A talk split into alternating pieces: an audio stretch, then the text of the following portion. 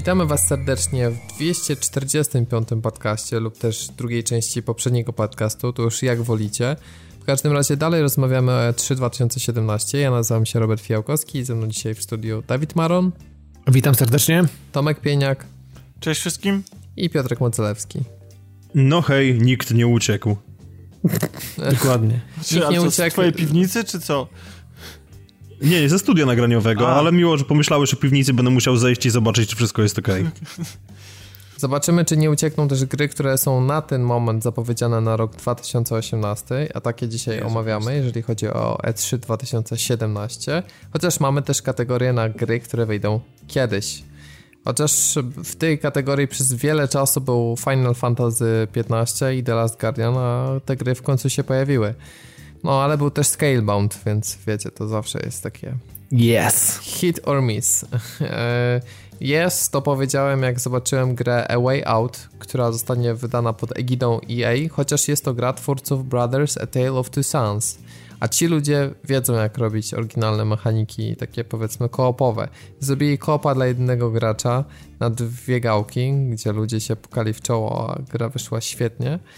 Teraz, teraz mamy grę o ucieczce z więzienia, gdzie jest bardzo mocno nastawiona na koopa i generalnie będziemy też widzieli e, poczynania naszych, e, naszego kompana, tak? Chociaż, bo ty tak coś wspominałeś, Piotrek, ale mi się wydaje, że to tylko przez internet, chociaż jeżeli tak jest też, e przepraszam, tylko przy jednej konsoli, ale jeżeli tak jest też przez internet, to możesz mnie wyprowadzić z błędu.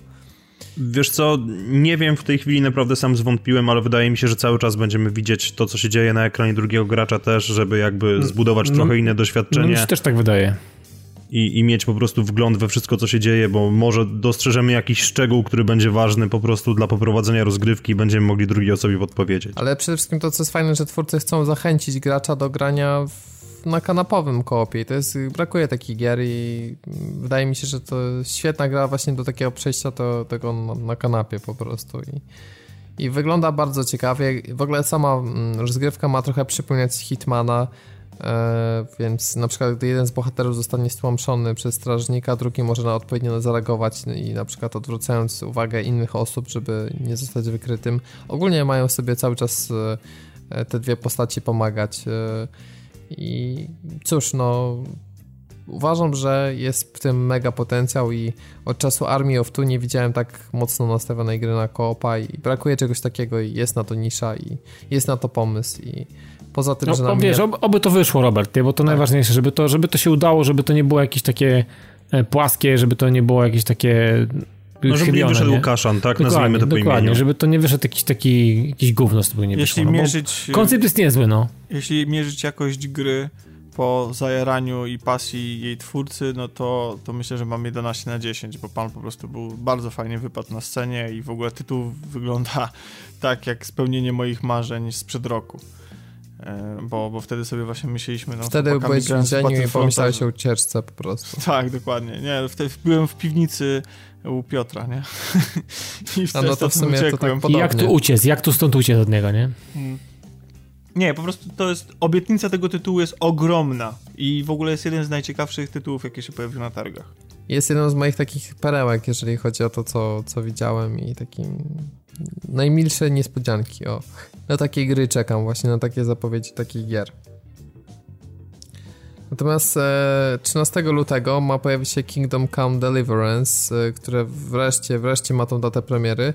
Został też pokazany gameplay z PlayStation 4. Nie wiem, czy to wersja Pro, czy zwykła. I tutaj uwaga, ostrzegam, że trochę wygląda to biednie. Jest no to jest wreszcie... na, na, na CryEngine chyba robione, tak? Z tego tak. co pamiętam. Jest to gra robiona na CryEngine. Przypominam, że to jest to średniowieczne RPG, które jest pozbawione magii, tylko jest realistyczne. Natomiast z drugiej strony widać, że choć jeszcze gra wymaga dopracowania, no to jakby zaczęła nabierać takich ostatecznych kształtów i już jest bliżej iść dalej, więc ja wierzę tym razem, że ta data premiery zostanie dotrzymana i tutaj też twórcy są mega zajarani, naprawdę są pasjonatami i zależy im, żeby ta gra wyszła i porwali się trochę z motyką na słońce, ale no ja przypominam, że wsparłem tę grę na Kickstarterze, to jest jedyna gra, którą, z którą tak zrobiłem i jakby z chęcią po prostu zagram w to już w ostateczny produkt. Nie chcę mi się bawić jakieś tam bety, release candidate, tylko po prostu chcę się wciągnąć w finalny produkt i liczę, że jakoś to będzie miało ręce i nogi. No chyba to poza tylko ty, nie czekacie Tylko ty, tylko chyba, ty właśnie. Chyba tylko ja czekam. No ale to trzeba lubić klimaty średniowieczne, no ty nie... nie Przede wszystkim, no bo to inaczej się nie da, no. Dokładnie. Natomiast tak samo trzeba lubić piratów, żeby zagrywać się w Sea of Thieves. E, przy czym tak jak się zagrałem tym pierwszym, pierwszym trailerem, tak z każdym kolejnym filmikiem zastanawiam się, czy to czy ta gra jakoś tak, nie wiem, nie znudzi się po prostu po pół godzinie nawet. No wiesz, mamy wiesz te łupy, skarby, jakaś jedna bitwa, a potem to wszystko może być powtarzane w nieskończoność. Znaczy, wydaje mi się, że Sea of Thieves, czy taka gra jak Fortnite, która wychodzi za chwilę w lipcu, e, to są gry, które jak nie masz ekipy, to, to równie dobrze możesz sobie o, o tej grze zapomnieć, no bo jakby głównym, główną, głównym motorem napędowym jest to, z kim będziesz grał i jak będziesz się fajnie bawił, jakie ciekawe pomysły będą przychodziły do głowy tobie albo twoim kompanom w no momencie, właśnie, kiedy będziesz pomysły, w jakiś tam... ale jeżeli tak. szybko wyczerpiemy się z pomysłów, to może się wszystkim szybko znudzić i to jest właśnie to... Znaczy, wiesz, no, kwestia, kwestia jakby wyczerpania pomysłów, znaczy, no pewnie jest taka szansa, natomiast... Yy, pamiętaj, że po drugiej stronie też jest jakaś, jakaś ekipa ludzi, który może, może stymulować do tego, żeby się dostosować do sytuacji, która panuje obecnie i, i tworzyć rzeczy, które normalnie by ci do głowy nie przychodziły, więc tak. Wydaje mi się, że no, to, to, to jest siła taki, tego typu gier, no, a, a, a wiecie co, no, jak zobaczyłem te materiały na, na prezentacji, no to kurwa, jak wygląda to, ta woda w ogóle, no, to, to, morze, ocean, jakkolwiek by tego nie nazwać, no wygląda po prostu fantastycznie. Pływanie, pływanie mm, po takich wzburzonych falach, no, no nie wiem, wiecie co, będę miał problem tak naprawdę, czy, czy w to się jakoś utopić. Ja jeszcze jestem też ciekawy, e, jak mój organizm gracza zareaguje na Fortnite i, i no jest, jest, jest, jest kilka takich produkcji, które mm, no, będę musiał wybrać, e, co ogrywać, a co nie ogrywać, więc no, mam Overwatcha, którego na pewno nie będę nigdy odpuszczał. No i jestem bardzo mocno zajrany tym, co oferuje Fortnite i co będzie, to, to, to, to, to co ma zamiar oferować, a jak będzie jeszcze nie wiem. Natomiast no Sea of Thieves cały czas, są, cały czas są z tyłu głowy, ale jak będzie to też nie wiem. No póki co... Mm, Chyba jestem chętny spróbować. Myślę, że tak jak Piotrek. Nie wiem, Piotrek też coś się na tego Sea of Thieves grzejesz, ja nie? Czy nie? Ten, tak, tak ja też jak najbardziej. Tylko no właśnie tak jak Robert powiedział, tutaj trzeba sobie skołować grono znajomych do tego i tak jak powiedzieliśmy przed chwilą, trzeba dobrać ich mądrze, żeby byli kreatywni. No, no, no Ale tak, ogólnie... Tak Ogólnie, ogólnie mi się podoba to jako założenie i naprawdę liczę na to, że Rare potrafi jednak jeszcze zrobić grę i że rzeczywiście będzie to fajna rozgrywka. Natomiast no, jak będzie i, i pod kątem gameplayu i pod kątem wizualiów to zobaczymy, bo zaraz się pewnie okaże, że woda, o której ty, Dawid, wspomniałeś, to jest Scorpio Exclusive i wszyscy będziemy mogli się pocałować w cztery litery. Też może tak być. Ja nie wiem, bo jakaś tam alfa była, więc może, może w tej alfie ta gra wyglądała już naprawdę dobrze, ale yy, ja nie doświadczyłem tej zamkniętej alfy, czy tam jak ona się nazywała, ta, to ta, ten dostęp na, na, na łoniaku. Natomiast no, na tych materiałach, które teraz było widać na targach, to wyglądało bardzo fajnie i obiecująco przede wszystkim. No. Brak mapy i konieczność użycia kompasu, który jest tak fajnie zlicowany z gameplayem, to, to wygląda super, nie? E, no myślę, no. że gra ma potencjał, no tylko mówię, no jestem ciekawy, czy nie przegra w moim przypadku z Fortnite'em, który mam wrażenie, że będzie bliższy mojemu sercu, no. Jak będzie, zobaczymy. Ale jak będzie, to nie wiem. Jest to moim zdaniem najciekawsza gra o piratach pokazana na E3. A to na pewno, bo jedyna, bo jedyna. Nie, nie, nie, nie, nie, nie, jeszcze ta od Ubisoftu była. Właśnie. A no tak, tak, tak. Do niej tak, przejdziemy, tak. ale tak, więc... Tak cudowno, że zapomniałeś. Zgadza się. Tak, natomiast e, tak jak Sea of Thieves wygląda lepiej niż na tych e, poprzednich materiałach i pokazują jakieś nowe mechaniki, wciąż można mieć nadzieję, tak jakoś jestem, powiem szczerze, zawiedziony sposobem pokazania State of Decay 2. O, ja też powiem ci. Nie spodziewałem się, kurczę, nie spodziewałem się, znaczy wiązałem z tym tytułem ogromne nadzieje i e, po po fajnej, naprawdę fajnej i, i, przyjemnej pierwszej części, z jakimiś tam bagami, z jakimiś tam małymi kwasami, ale takimi do przerzucia i dało się to absolutnie strawić, e, stwierdziłem, że no ta dwójka to, to będzie to, to będzie to jakby dopełnieniem tego, czego brakowało w jedynce. Przede wszystkim trybu kooperacyjnego i bawieniem się w multi e, ze znajomymi w świecie tych, tych zombiaków i tak dalej. Więc jakby to, było, to był zdecydowanie największy zarzut i jeden z głównych minusów e, jedynki. Natomiast to, co zobaczyłem na, na prezentacji i naprawdę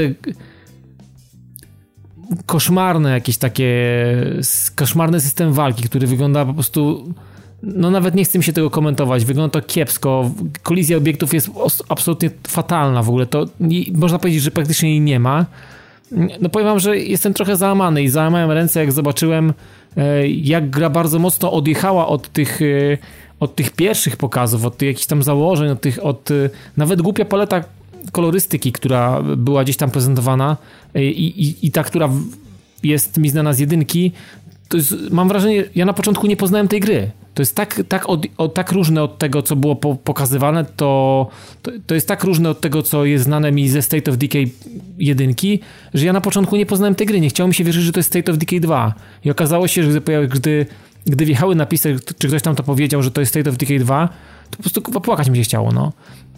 Mam wrażenie, że, że ten deweloper nie, nie chcę mówić, że jest niedoświadczony, bo jednak coś tam zrobił i tak dalej, natomiast ewidentnie ma jakieś problemy na, na, na, na, na, warsztatowe takie I, i widać, że State of Decay 2 mm, e, no jakby powiela pewne jakieś takie błędy i jakieś takie babole, które gdzieś tam były w jedynce, więc no nie mam pojęcia, czy oni są w stanie to naprawić. No, zostało, nie wiadomo jeszcze tak naprawdę ile czasu, to ma, to, to nie wiem, to ma być ten rok, tak, czy początek następnego. Początek hmm. wiosna 2018, tak. No więc jeszcze trochę czasu jest, ale a nie wiem, na razie póki co to jestem, jestem trochę załamany, szczerze powiedziawszy. Mi się strasznie nie podoba warstwa techniczna tej gry i tutaj no. nie, mówię, nie mówię tylko o tym, jak ona wygląda w sensie grafik, graficznym stricte, ale też te animacje, które tam są, są no, tak strasznie to, poszarpane, bo nawet to. na sam koniec jest taki moment, kiedy jakby kamera się oddala i widzimy, że tam postaci wsiadają do samochodu i jest taki straszny, po prostu wiejący Telltale 2011 przeskok, gdzie postać chwyta za klamkę i nagle po prostu jest kompletnie urwana animacja i się teleportuje w inne miejsce koło tych drzwi i wsiada do samochodu. I to jest no takie trochę moim zdaniem niedopuszczalne no nie, w roku no to po prostu 2018. To, to, nie wygląda, to nie wygląda dobrze, to nie wygląda solidnie przede wszystkim. To nie wygląda solidnie. A tak Fakt, powinna wyglądać solidnie. Ja też jest martwiący trochę, nie? Dokładnie, więc no mówię mam nie wiem, no dużo znaków zapytania, jeżeli chodzi o tytuł, no. Jak to tak będzie wyglądało, to szkoda dla gry, bo, bo liczyłem na naprawdę świetną kontynuację tytułu, no. No tak, ale, ale tych, tych ekstrów tak dużo Microsoft nie ma, więc no, jeżeli wypada z, z kręgu zainteresowań taki tytuł, no to to już jest, wiesz, du, duża strata, tak? Bo zostaje no, ci zdecydowanie, tak zdecydowanie. Zostaje ci Sea of Thieves, jeżeli chodzi o Microsoft i nowe Ori, o którym jeszcze powiemy. Tak jest. jest. I to jest... To no i to jest koniec, no i tak naprawdę tam, szczerze powiedziawszy, to już nie ma, nie ma, nie ma o czym mówić więcej. E, natomiast jest o czym mówić w przypadku Far Cry'a 5. E, wiadomo, jest to tytuł multiplatformowy. Niemniej jednak e, nie chcę tutaj kontynuować takiego trendu narzekań, ale mnie kompletnie ten tytuł po prostu nie grzeje. Nawet nie mam hejtu na tego. Po prostu ja nie jestem fanem settingu, a widzę te same mechaniki, a zazwyczaj ten setting mnie tu ciągnął przy tym i po prostu jestem na 100% pewien, że odpuszczam i cokolwiek, jaki piękny by trailerek nie złożyli z tych mechanik, to ja wiem, że na końcu to będzie prawie to samo, a, a mi się nie chce grać po raz kolejny w to samo. Może wy macie jakoś inaczej, nie wiem, nie, nie wiem co tam. Po prostu to jest, znowu jest wzięte trochę z Wildlandsów, trochę jakiś tam z poprzednich Far Cry'ów i... No to tak jak mówiliśmy przy Assassin's Creed, tak? To jest po prostu Ubisoft The Game, tylko że tym razem z perspektywy pierwszej osoby i setting jest taki, a nie inny, który powoduje kontrowersje. Natomiast ogólnie jakoś sama gra wątpię, żeby spowodowała jakieś wielkie trzęsienie ziemi, no bo no, mimo, mimo tych pierwszych zwiastunów, które wyglądały całkiem nieźle, to po materiałach pokazanych na E3 ja jakoś specjalnie nie jestem nastawiony pozytywnie do całości. No, a te postaci pamiętacie ile było Paganamina? Było 10 minut dialogu na początku, potem gada przez radio tam łącznie jakieś 10 minut przez całą grę i potem cutscenka na końcu 50 minutowa i to był cały Pagan Min w Far Cry 4. No ale Troy Baker. No dobrze, no był świetny w ogóle postać była No ja rewelacyjna. wiem, że był świetny, tylko dlaczego było go tak mało, nie? No, dokładnie, więc tutaj może być ten sam case, że dostaniemy ciekawego antagonistę, ale co z tego, jeżeli on będzie tylko gdzieś tam w tle. Zobaczymy jeszcze, czy on będzie ciekawy, bo no, mi jakoś się za bardzo jego design nie podoba. Ale grafika też to wszystko jakoś takie jest to, o, taka gra, gra, która mi wieje 2013 rokiem, no po prostu, a, a nie, nie tym obecnym. No, i w żadnym stopniu nie ma jakiegoś takiego pomysłu, dlaczego, dlaczego po raz kolejny, nie wiem, próbujemy sił z tą serią. No. Kolejny Mission Pack. Chłopaki, wy jakoś No lepiej trochę- na to patrzycie? Trochę tak, może to faktycznie jest tak, że świeżości to jest niewiele i, i jakaś tam wymiana skórek i, i równie dobrze można było to dokleić do, do czwórki albo zrobić, nie wiem, jakoś to inaczej. Natomiast y, nie wiem, wiecie co, jakoś tak, ja zawsze, w, ja czy w ostatnich dwóch Far Cry'ach bawiłem się bardzo dobrze i, i mm, y, mu- Znaczy, mówię o jak trójce i o czwórce. Far Cry'ach, to masz nie, na myśli nie, co, pomijam czwórka? Primala, pomijam Primala, bo Primala Okej. nawet nie skończyłem, więc jakby Primal mnie zachwycił na początku, ale potem okazał się jakiś taki strasznie nudny i taki po prostu nijaki, taki mdły absolutnie. I jakoś to, to mi się tak rozmyło i tak mi się rozwodniło to, że po prostu nie byłem w stanie już do gry, e, do, do niej wrócić i jakby jej ukończyć. Natomiast e, trójkę uwielbiam e, i uważam, że to jest najlepsza odsłona całej serii. E, Czwórka była całkiem też niezła. E, Natomiast e, nie wiem, mam jakiś taki mały kredyt zaufania. No, póki co nie jest, nie, piątki nie, nie jakby, wiecie co, nie, nie palę tego, no. Póki co zobaczymy jak będzie i, i pewnie będę chciał spróbować, no. Mam nadzieję, że im bliżej premiery to wylecą jakieś fajne materiały, jakieś fajne gameplaye i, i będzie można coś zobaczyć y, więcej, może jakichś więcej aktywności ciekawych.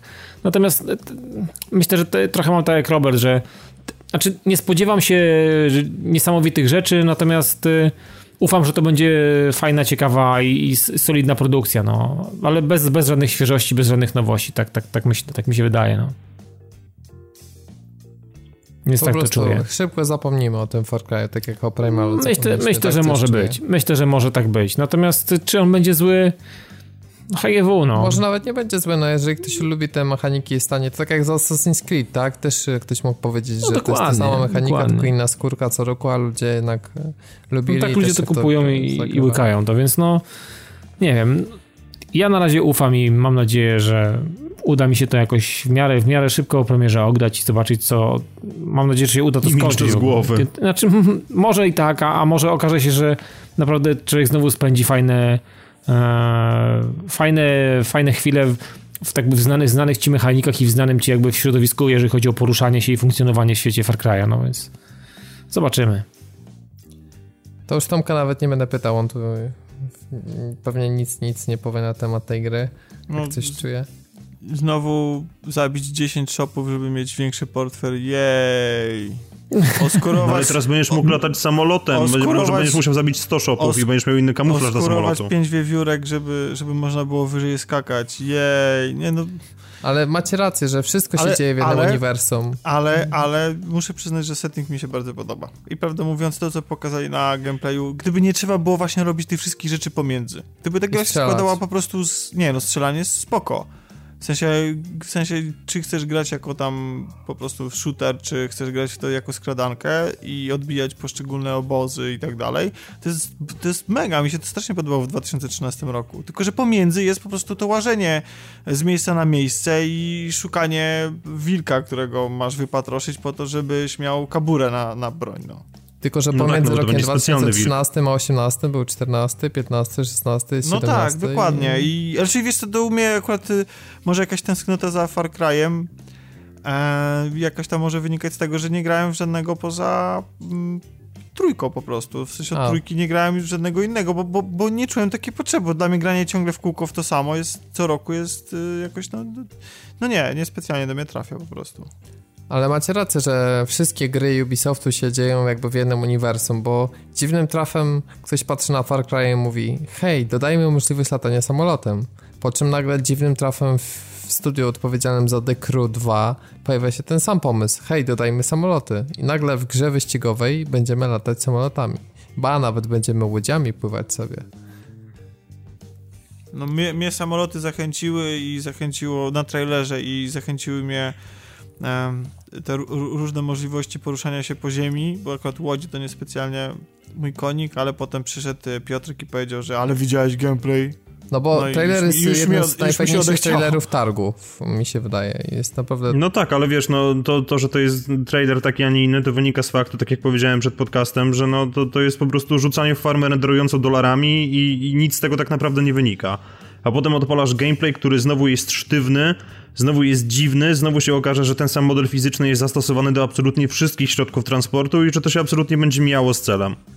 Znaczy, bo nie jest łatwo zrobić ciekawy model latania. Można to zrobić, na przykład y, nie mając gry o lataniu, czyli na przykład jak seria GTA była w stanie z tym podziałać, ale nie zawsze to, to jest, ma zastosowanie. Nie, ja po prostu w to produkcji nie wierzę. No poza tym nie mam zielonego pojęcia skąd pochodził ten gameplay, który oni pokazywali, ale on po prostu wyglądał biednie. Ja rozumiem, że to jest też kwestia skali, że mamy tyle różnych rozwiązań i że trzeba opracować nie tylko budynki z dołu, ale też z góry, bo jest teraz latanie samolotami etc., ale no, no wyglądało to dla mnie skandalicznie źle. Znaczy, Może przesadzam w tym no, momencie, ale nie jest, to, nie jest to to, co bym chciał zobaczyć. No, moim zdaniem dopracują to chyba na tyle, żeby nie wyglądało gorzej od tej poprawionej wersji The Crew, ale ja mam trochę z tym problem, że znowu jesteśmy w Stanach Zjednoczonych, czyli do, do, dokładnie gra będzie się działa na tej samej mapie co jedynka. Myślę, że takie odświeżenie terenu gry i doda dodanie jakiegoś innego kontynentu byłoby ciekawsze zdecydowanie. Mogliby nawet dodać e, Amerykę Południową, korzystając z asetów z Wildlands, a już... Nie podsuwaj im pomysłów, to będzie pierwsze DLC. Być może. Ale tak czy siak, no mnie, nie wiem, jakoś... Jakby sama idea, że chcą rozszerzyć samochodówkę o coś innego, no to moim zdaniem nie jest taka zła, tylko to nie, to, to nie może być tak jak kiedyś z telefonami Samsunga, który po prostu chciał wpierdzielić 10 różnych feature'ów i z tego żaden nie działał prawdziwie. Lepiej mieć dwa, które działają po ludzku niż 10, które działają tylko w przekazie marketingowym i mam nadzieję, że tak samo nie będzie właśnie z tym tytułem. E, premiera na wiosnę 2018 roku i zobaczymy, jak to wszystko... Po drodze, po drodze jeszcze jakaś beta będzie, z tego co słyszałem, także zapiszemy się i doniesiemy wam jeszcze, jak to wygląda, ale ja specjalnych oczekiwań nie mam. I podejrzewam, że i tak będę miał zawód. Natomiast e, oczekiwania z pewnością ma Tomek bardzo duże do gry Transference, e, która powstaje przy współpracy Ubisoftu z Eliachem Woodem, więc Eliach Wood jest jak Nintendo i też Elijah. Elijah czy Elijah, czy jak on się tam... Elijah. Elijah. Aha, no to Elijah. Elijah jest jak Nintendo i współpracuje z Ubisoftem. Elijah jest y, wkręcony w najbardziej odjazdowe projekty audiowizualne ostatnich lat i jestem jego wielkim fanem e, i tych projektów, które on robi i myślę, że to będzie, chociaż nic o tym nie wiadomo, to myślę, że zrobią z tego coś naprawdę fajnego, a mam nadzieję w ogóle, że to będzie film interaktywny 360 stopni rozgrywany w VR-ze. Bo to właśnie ma, ale co ciekawe, gra ma trafić też na tradycyjne platformy, więc VR no, jakby nie będzie obowiązkowy. Okej, okay, więc będzie po prostu filmem interaktywnym 360 stopni. Ja bym był w tym zakochany, bo jestem pewien, że pod względem treści, fabuły i tak dalej, to będzie coś interesującego. Więc... E, opanuj zasady rządzące domem poprzez ich łamanie, napisano między innymi w tekście. E, i ak akcje gracza mają przenikać przez czas i materię. To jest między Ale rządzące domem, czy to będzie jakiś Big Brother, przepraszam? Nie wiem, to bardziej mi wygląda na jakiś taki eksperyment właśnie naukowy, gdzie jesteśmy temu poddani. Tak sugerował zresztą trailer. Tak, drugi Polybius z tego wyjdzie. Ale świetny jest też zwiastun tego i moim zdaniem bardzo, bardzo fajnie to zatisowali. I wydaje mi się, że to jest te, też taka niespodzianka, że ciężko było czegoś takiego oczekiwać, a, a jest, jest, potencjał na, coś naprawdę. Bardzo mi się podobał też ten klimatyczny filmik, że, że są prawdziwe filmiki w tym, tak jak na przykład ten stylizowany, jakiś tam jest data 2003 rok pod koniec trailera i e, bardzo dodaje to klimatu. Więc też bym się spodziewał, że będzie dużo z żywymi aktorami dodane. Premiera na wiosnę 2018 roku. Co jest też fajne, że niezależnie od tego, jaki sprzęt VR macie, to pogracie, bo gra ma jednocześnie trafić na PlayStation VR, HTC Vive i Oculus Rift. I to jest sensowne podejście, bez żadnych tam deali na wyłączność, tylko wszystkie platformy VR jednocześnie. Myślę, że to też ma sens. Więc Tomku czekasz, jak rozumiem. Tak, no najwięcej informacji najpierw.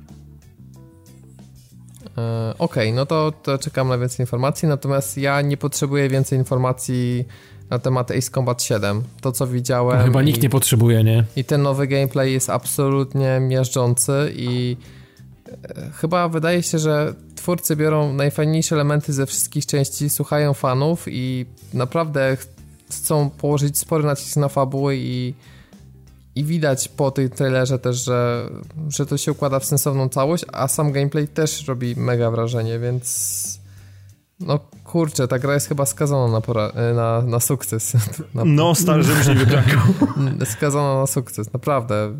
Prezentuje się, oczekiwania są spore, ale chyba dadzą radę. No, takie jakieś mam pozytywne przeczucia co do tego tytułu. No, no ja już bym chciał w swoje łapy, kurny, to po prostu, bo to wygląda absolutnie genialnie. No. Ja tutaj w ogóle, ja tylko zobaczyłem pierwsze, pierwsze chwile, pierwsze, pierwsze kilka minut tego, tego materiału i wiedziałem, że startowanie z tego lotniskowca i w ogóle dzida w niebo i, i latanie po chmurach i jakaś, jak, jakieś, jakieś krople wody na, na kokpicie, w ogóle na, na szybie. Nie, no tutaj nie ma, to, to trzeba zobaczyć i tak naprawdę chyba najlepiej złożyć preorder, no. Takie mam wrażenie, no. Szkoda, nie, że tak... Nie tak, polecamy tak, mimo wszystko, nie preorderujemy. Nie, no może tak, znaczy, ale... Będzie można ale... kupić w sklepach za taką samą cenę, ale naprawdę Zgadza warto się. na. Natomiast no, warto mieć, to na pewno mieć rękę na pulsie i w, warto, warto zobaczyć sobie kilka materiałów i, i, i zobaczyć, czy, czy to pasuje nam, ale wydaje mi się, że ludzi, a szczególnie facetów, którzy wiecie, no lubią takie rzeczy, to tutaj się ludzie nie będą przed tym bronić specjalnie. To, to, to jest naprawdę dobre, no to wygląda bardzo fajnie i i klimat jest niesamowity, no. Ja jestem kupiony, ja jestem na tak. Piotrek, a ty? No, ja chyba nie muszę się już wypowiadać, chyba się nie musi... bardzo lubię tą serię. ale no, się nie musi tłumaczyć. Wszystko, mimo wszystko, co poczułeś, jak to zobaczyłeś te materiały? No bo nie, chyba nawet się nie spodziewałeś, że aż tak dobrze będzie po tym, co pokażą. Nie spodziewałem się, aż, że aż tak dobrze będzie, natomiast ja już wcześniej widziałem, tylko że to było kręcone ziemniakiem, tak, ale widziałem właśnie jak z zeszłego, zeszłorocznego TGS-u powyciekały różne elementy. Chociaż mogę kłamać, że to był TGS, bo nie pamiętam kiedy to dokładnie było zapowiedziane, ale widziałem już nagrania gameplayu zrobione jakimś ziemniakiem gdzieś spod pachy i one wyglądały bardzo dobrze, ale taki normalny feed prosto z konsoli to jest po prostu zupełnie inna liga i ja to chcę, tak najzwyczajniej w świecie. Poza tym powrót do tego świata, który się nazywał Strange Real, bo oni wyskoczyli, oni mieli przez kilka części właśnie całą akcję osadzoną tam, potem na chwilę przeskoczyli do naszej normalnej rzeczywistości, więc tam były jakieś bzdury typu obrony Nowego Jorku czy Tokio, ale widzę, że teraz wracają do tego i znowu mają całe pole manewru, jeżeli chodzi o różne idiotyczne konstrukcje, więc no mamy windę, która biegnie gdzieś na orbitę, którą widzieliśmy kilka razy, mamy te wielkie latające skrzydło, które wypuszcza z siebie setki dronów i potwierdzili powrót X-Planes, czyli tych samolotów eksperymentalnych, które nie mają racji bytu w normalnym świecie, gdzie otwiera się dziób i zaczyna z niego strzelać laserem, tak jak w moim kochanym Falcenie. Ja po prostu to biorę. Już widzieliśmy jeden nowy X-Plane na jakimś gameplayu, który przelatywał centralnie nad kokpitem, więc no ja po prostu czekam, tak? Jeszcze tylko się zastanawiam, czy będzie jakaś kolekcjonerka, gdzie będzie model samolotu i podejrzewam, że wtedy żarcie tynku, bo kupuję kolekcjonerkę. Dostaniesz model Ravela do sklejania, kurwa, i tyle będziesz miał. Model Jeżeli będą farbki, którymi się znowu będę mógł naćpać i ubrudzić biurko, żeby wkurwić moją matkę, to spoko. Może dostaniesz portfel. Albo... A co ty chcesz do mojego portfela, przepraszam? Ten z Gran Turismo dalej działa bardzo dobrze, dziękuję. Portfel działa. dalej gubi pieniądze. Tak bo to była wersja premium portfela. Nie, wersja, wersja super premium, bo nie ma kieszonki na drobne. Oh, shit. Tylko na banknoty z krzyżakami. Oczywiście. No dokładnie. E, teraz pytanie, czy wyjdzie to na wiosnę, czy nie wyjdzie, bo tu jest spory znak zapytania. się zasugerowałem Piotrkiem, który mówił, że gotowory to zawsze wychodziły na wiosnę. Chyba na PSP. Jak nie wyjdzie, to będzie na ciebie, Piotrek. Okej, okay, spoko. Tak czy siak, y, no po raz kolejny widzimy, że ta gra ma, nie wiem, więcej wspólnego z The Last of Us teraz niż chyba z starymi gotoworami. No, mówisz a o God znaczy... teraz, tak? Tak. Bo to ja znaczy, dopisałem. Ja też, ja też musiałem się zastanowić, czy to już przeskoczyliśmy, bo, czy nie. Bo to, ja, bo to ja dopisałem tego Godowora do rozpiski, bo nie wiem, bo dlaczego miałby nie wyjść, skoro oni zapowiedzieli, że to wyjdzie wtedy? Bo moim zdaniem ta gra wyjdzie w lutym. Oni napisali Early 2018. Napisali, tak? Okay. Tak. No tak. Może to... mi gdzieś umknęło. E... Umkło ci. Umkło, także, ale nie umknęło mi to, że e, postaci, które napotykamy się prezentują ciekawe lokacje, też są klimatyczne i sam fakt, że zmienia, zmienia się trochę nastrój ze slashera na coś innego, no to ja, ja nie jestem ortodoksem, jeżeli chodzi o serię i przyjmuję te zmiany z otwartymi rękoma. Mi się to bardziej podoba niż to, co było pokazane rok temu. Bo mam wrażenie, mogę się mylić, nie, po, nie, nie miałem czasu, żeby sprawdzić i porównać, ale wydaje mi się, że w tych nowych gameplayach kamera jest ustawiona dalej niż to, co było rok temu. I Możliwe. Że, że już nie ma właśnie, bo to jest, mi się bardzo nie podobało to, co było w zeszłym roku, te właśnie takie przyklejenie do postaci, takie spowolnienie tej walki, natomiast to, co dostaliśmy tutaj jest dużo żywsze i wydaje mi się, że ta kamera jest oddalona. Albo to są moje po prostu przez ale mi się, się zmieniły tak nastawienie, tak ale, ale odniosłem wrażenie i odniosłem też wrażenie i chyba jestem jedynym na świecie, który to odniósł. Na pewno. Uuu, odważnie. Ale Uwaga, bo mi się no, wydaje, wstrzymujemy oddechy. że ta gra zaliczyła downgrade. Niewielki, ale jednak. I teraz nie wiem, bo nikt na to nie zwrócił uwagi, ale oglądając już nawet stream z konferencji, wydawało mi się, że ona jest brzydsza niż ja ją zapamiętałem na y, gameplayu z zeszłego roku. Ale ponieważ nikt teraz tutaj nie, jakby nie podzielacie mojego zdania, to może jestem jedyny. No w każdym razie wydaje mi się, że właśnie nie, nie, nie odpalałem tych filmów y, z zeszłego roku. Ale, ale podoba mi się dużo bardziej, czy dużo, po prostu bardziej niż to, co widziałem poprzednio i dlatego czekam. Bardziej niż poprzednio. Mi się też bardziej podobało niż poprzednio. A wy chłopaki, jak a, rośnie... A, ja mam, a ja, mi to jest obojętne. Ale chyba, dlaczego? Chyba, no, ja bo... mam jakby stały poziom zainteresowania od zeszłego roku i chcę to zobaczyć, bo no nie zmieniła się najbardziej podstawowa rzecz, która była w tym wszystkim, czyli po prostu Kratos jest dalej koksem, tym razem ma obok siebie syna, ale widać, że dalej za przeproszeniem jest wkurwiony, macha toporkiem, rzuca nim po prostu w dal, żeby wywołać jakieś tajemnicze bestie z głębin oceanów, także spoko, biorę. A to jest potwierdzone, że to jest syn, a nie po prostu jakieś napotkany, który on przy, go przy, tam przygarnął w sensie?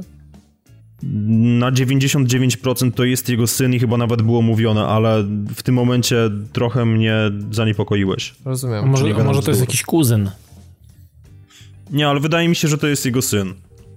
Chodzi o okay. narrację, jaka między nimi była, no ale to też jest specyficzna gra, no ale... No wiesz, Kratos raczej nie będzie do nikogo odnosił permisiek, więc no jeżeli mówi do niego boy, no to jest to, jest to raczej okej okay podejście. Okej. Okay. No to skoro tak mówisz, to, to przyjmijmy, że tak jest. Natomiast Dawid tutaj. Tak, przepraszam, przepraszam jeszcze, ale potwierdziłem, ten dzieciak się nazywa Atreus i jest synem e, synem Kratosa i nieznanej kobiety. Okej. Okay. Świetnie, to dziękuję, że to potwierdziłeś. Luz, polecam się. Ja natomiast potwierdzam, że Dawid czeka na grę o nazwie Griftlands. I jest to no, gra, która powstaje. E, no Clay Entertainment, no rękaw to... twórców, tak, Clay, czyli Don't Starve i Shank. Shank, w, znaczy nawet jak się patrzy na, na, na tę grę, to e, ma się wrażenie, że widzi się, e, znaczy pewne animacje są żywcem jakby zabrane z Shanka. Shank był fantastycznym, tak. Fantastycznym tytułem i tutaj widać jest dużo cech wspólnych. Natomiast... Yy... Mówimy o takiej kreskówkowej yy, po raz kolejny stylistyce i tak, o tak, w sumie, która typowo, będzie typowo komiksowa rzecz. W zasadzie co? Akcji? To, jest, ma być, to, to, to, ma być, nawet jak patrzyłem na, na, na, na, system walki, to mam wrażenie, że to jest taki trochę system jak... E Darkest Dungeon, że on będzie troszeczkę turowy nawet. Tak, bo on ma, jest potwierdzone, że, że raczej będzie, tak. To przypomina też trochę Has Been Heroes, w, jeżeli chodzi o system walki. Może nie tak skomplikowany, ale może, może bliżej mu nawet do tego Darkest Dungeon. Natomiast na pewno będzie system turowy e, i widać, że nie biegamy sami, tylko mamy w ekipie nawet kilka, kilka postaci. E, no jestem ciekawy, jak oni to w ogóle pomieszają wszystko razem, bo klimat Szanka i tego całego żartu i, i, i, tych wszystkich głupawych tekstów był zawsze przeze mnie lubiany i, i Shank zawsze w moim sercu będzie miał, będzie miał zawsze dobre i ciepłe wspomnienia. Natomiast jestem ciekawy, jak oni wymieszają ten cały system walki, ten system RPGowy przede wszystkim i jakby rozbudowy, e, czy to jednej postaci, czy całej drużyny i tak dalej, więc no póki co ja jestem bardzo zainteresowany, no. To mi, to mi się bardzo podoba. Zresztą Client Entertainment to jest zawsze ekipa, której można spokojnie, śmiało ufać, więc e, zawsze mieli fajne, fajne pomysły, fajne rzeczy i, i przede wszystkim świetne wykonanie tych swoich produkcji, więc mm, tutaj chyba nie trzeba tego specjalnie podkreślać, no. Ja jestem jak najbardziej na taki, póki co jestem zainteresowany. Polecam Okej. sprawdzić. A chłopaki, przychodząc e, na jesień 2018 roku, czy jesteście zainteresowani Metro Exodus? Bo ja się podjarałem tym, co Panie, o zobaczyłem. panie, jak ja to zobaczyłem, to chyba było nawet otwarcie konfy MS-u chyba, nie? Tak, i to było mocne Tak, to była otwarcie. pierwsza gra. Więc po prostu, ja pierdolę, po prostu chcę to już teraz, now. To będzie, to będzie, to będzie grubas, no, na 100%. Jak każde E, metro zresztą. Czuć tam klimat też Stalkera, ale przede wszystkim tak, mocna narracja, to nie będzie otwarty świat, chociaż ma być kilka takich mini sandboxowych hubów. Ale to nie będzie gra z otwartym światem. bo No tak też czytałem, ale to wiesz, ale, ale, ale to wiesz, to, to dobrze, to dobrze właśnie. To dobrze, żeby Świetnie, to nie był dlatego, sandbox, ta no. liniowa narracja w poprzednich metrach świetnie się sprawdzała i ja uważam, że to naprawdę jest e, mega konkretna seria. Jeszcze bardzo lubię to uniwersum, czytam książki z uniwersum tego Metra 2033. Cieszę się, że powstanie kolejna gra, która właśnie wykorzysta tą moc tej generacji. I... O ile będzie faktycznie wyglądała tak jak na tym... Bo to jest target render, tak? Oni tak, Nie, no, target, no- no, no to jest target gameplay i to jest, nie wiem, no czy tak mi się tak wydaje, że, to jest, znaczy mamy 2017 rok, no, serio, takich rzeczy się nie powinno pokazywać, bo ładnie to wygląda, tak, ja bym chciał, żeby Nie, to tak, wyglądało epicko, no. ja bym chciał, żeby ta gra tak wyglądała, ale ona była po prostu tak wyreżyserowana od początku do końca cały, cała ta rozgrywka, gdzie mu się y, spoglądał dokładnie w tym momencie, w którym trzeba, w odpowiednie miejsce, e, broń mu się zaczynała dokładnie w tym momencie, w którym y, miała mu się zaciąć. No, wszystko było tak doskonałe, że... y, Dokładnie. Że, że ja na to patrzyłem jako, jak to, jako na, na film, więc Jak z jaram- matrycy, wszystko jak z matrycy, nie? tak, więc jaram się, bo podobały mi się poprzednie części, chociaż mam chyba więcej do nich zastrzeżeń niż większość ludzi. Natomiast no tak, no jasne, chętnie powrócę do tego świata i przeżyję to jeszcze raz. Mam nadzieję, że feeling strzelania będzie lepszy. Że, że, że bo to był mój główny zarzut, jeśli chodzi o przyjemność czerpania, e, czerpaną A z widzisz, ja gameplayu, grałem że... e, mocno stealthowo, więc może dlatego mi tak tu nie Ale, przeszkadzało. znaczy, no, ale jednak miałeś fragmenty, w których trzeba było próć do potworów. No I, były, no, no właśnie, i one po prostu, jak miałeś jeszcze tą amunicję To się zwykłą, zgodzę, to się zgodzę, to po że prostu jednak one metro... pochłaniały pieniądze, czy pieniądze, pochłaniały, to były, No były pieniądze, tak, tak. tak, ale pochłania... tak, no. no właśnie tak, to tak akurat wyszło. To jest świetne. Rodzaj, rodzaj E, waluty, ale tak, ale chodzi o to, że one pochłaniały te potwory po prostu to jak gąbka i niewiele, nie, nie było takiego fanu po prostu w tym wszystkim. Tak, zgadzam się też, że to był najsłabszy element jakby całości. No to tak w Bioshocku, wszystko, no. Pamiętajcie, że w Metro ustawia się dubbing rosyjski, polskie I napisy. napisy, Tak. i wtedy jest po prostu klimat razy tysiąc, naprawdę. Ale tam klimat ogólnie sam w sobie jest bardzo dobry, bo ja pamiętam, że zanim jeszcze się pojawił jakikolwiek napis na ekranie, czy ten cytat, który tam był, to pierwszy obraz z tymi zniszczonymi autobusami, krajobrazem, ja sobie pomyślałem, okej, to jest Rosja. I No dokładnie, to ciężko się pomylić, nie? Tak. Było wiadomo, że to się dzieje u ruskich, po prostu, że to jest post-apo. Mi się bardzo podobało to, co zobaczyliśmy, owszem, cała masa skryptowanych akcji i to takich bezczelnie na zasadzie, że fajnie, że w sposób niezwykle analogowy przychodzisz i bierzesz po prostu jakiś tam magazynek, który leży u jakiegoś trupa.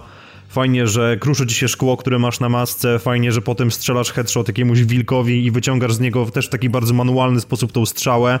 I owszem, to wszystko jest wyreżyserowane, ale jak to mówił Mulder, I want to believe, bo bardzo chętnie bym w to zagrał i podoba mi się po prostu ten taki ciężki klimat tego post-apo, gdzie potem jest pociąg buchający parą i trzeba do niego wskoczyć, to oddalenie kamery, wszędzie rdza, wszędzie zniszczenie, to jest fajny klimat. No Tak, samo no. dobro, no. I jest to mega potężne też uniwersum, które naprawdę jest z czego czerpać i ile. Chyba będzie własna historia opowiedziana właśnie przez twórców, więc No i tam wr- wróciła ta, wróciła ta, ta Ania też chyba nie było widać, nie, że też tam te postaci z poprzednich części, więc jakby Na pewno będzie dużo puszczonego oka właśnie co do fanów poprzednich części gier. no i to było już widać, było to czuć. Tak. E, No i mam nadzieję, że nie, wy, nie wykoszą tych elementów takich właśnie super interaktywnych, tych, to przeglądanie tej broni, to wszystko takie no, bardzo namacalne, bo przypominam sobie sięganie po butelkę wody w The Division. Skończyło się na tym, że to wyciechali totalnie. No tak. Więc, No, ale zamykanie drzwi było, no. W The Division właśnie zostało tylko zamykanie drzwi od samochodów. I No właśnie. przestrzelone opony i samochody, które się, wiesz, no, trochę ale się obniżają. mam no, nadzieję, że, no wiesz, no to też było w innych grach, Ale sięganie po butelkę wody... Tak, w GTA Vice City na przykład to było. Tak, na Okej, okay, ale drzwi nie było nigdzie chyba, co? Czy były gdzieś tam drzwi? Pokażecie gdzieś z drzwiami motyw? Do, domykanie drzwi to chyba było tylko w Division. Mm, no, ale to, to było trochę mało versus to, no co tak, było No zabrali butelkę, no. Tak, natomiast pytanie, jak się jara Dawid, jeżeli chodzi o Ori and the Will of the Wisps? Bo to jest kolejna część. Znaczy, no wiecie, ciężko, ciężko się nie jarać samym Ori, bo Ori, Ori jest. Yy... Ale to jest solidna marka, no. no to, to, tak, jest, to jest solidna marka i, i ciężko tutaj mówić, że ta gra jest do bani, bo i świetna muzyka, i świetny tak, gameplay, i świetna animacja. Polecam, naprawdę I, i świet, świetne tła, i w ogóle świetny, świetny, świetny wątek, ten fabularny, który jakby pcha.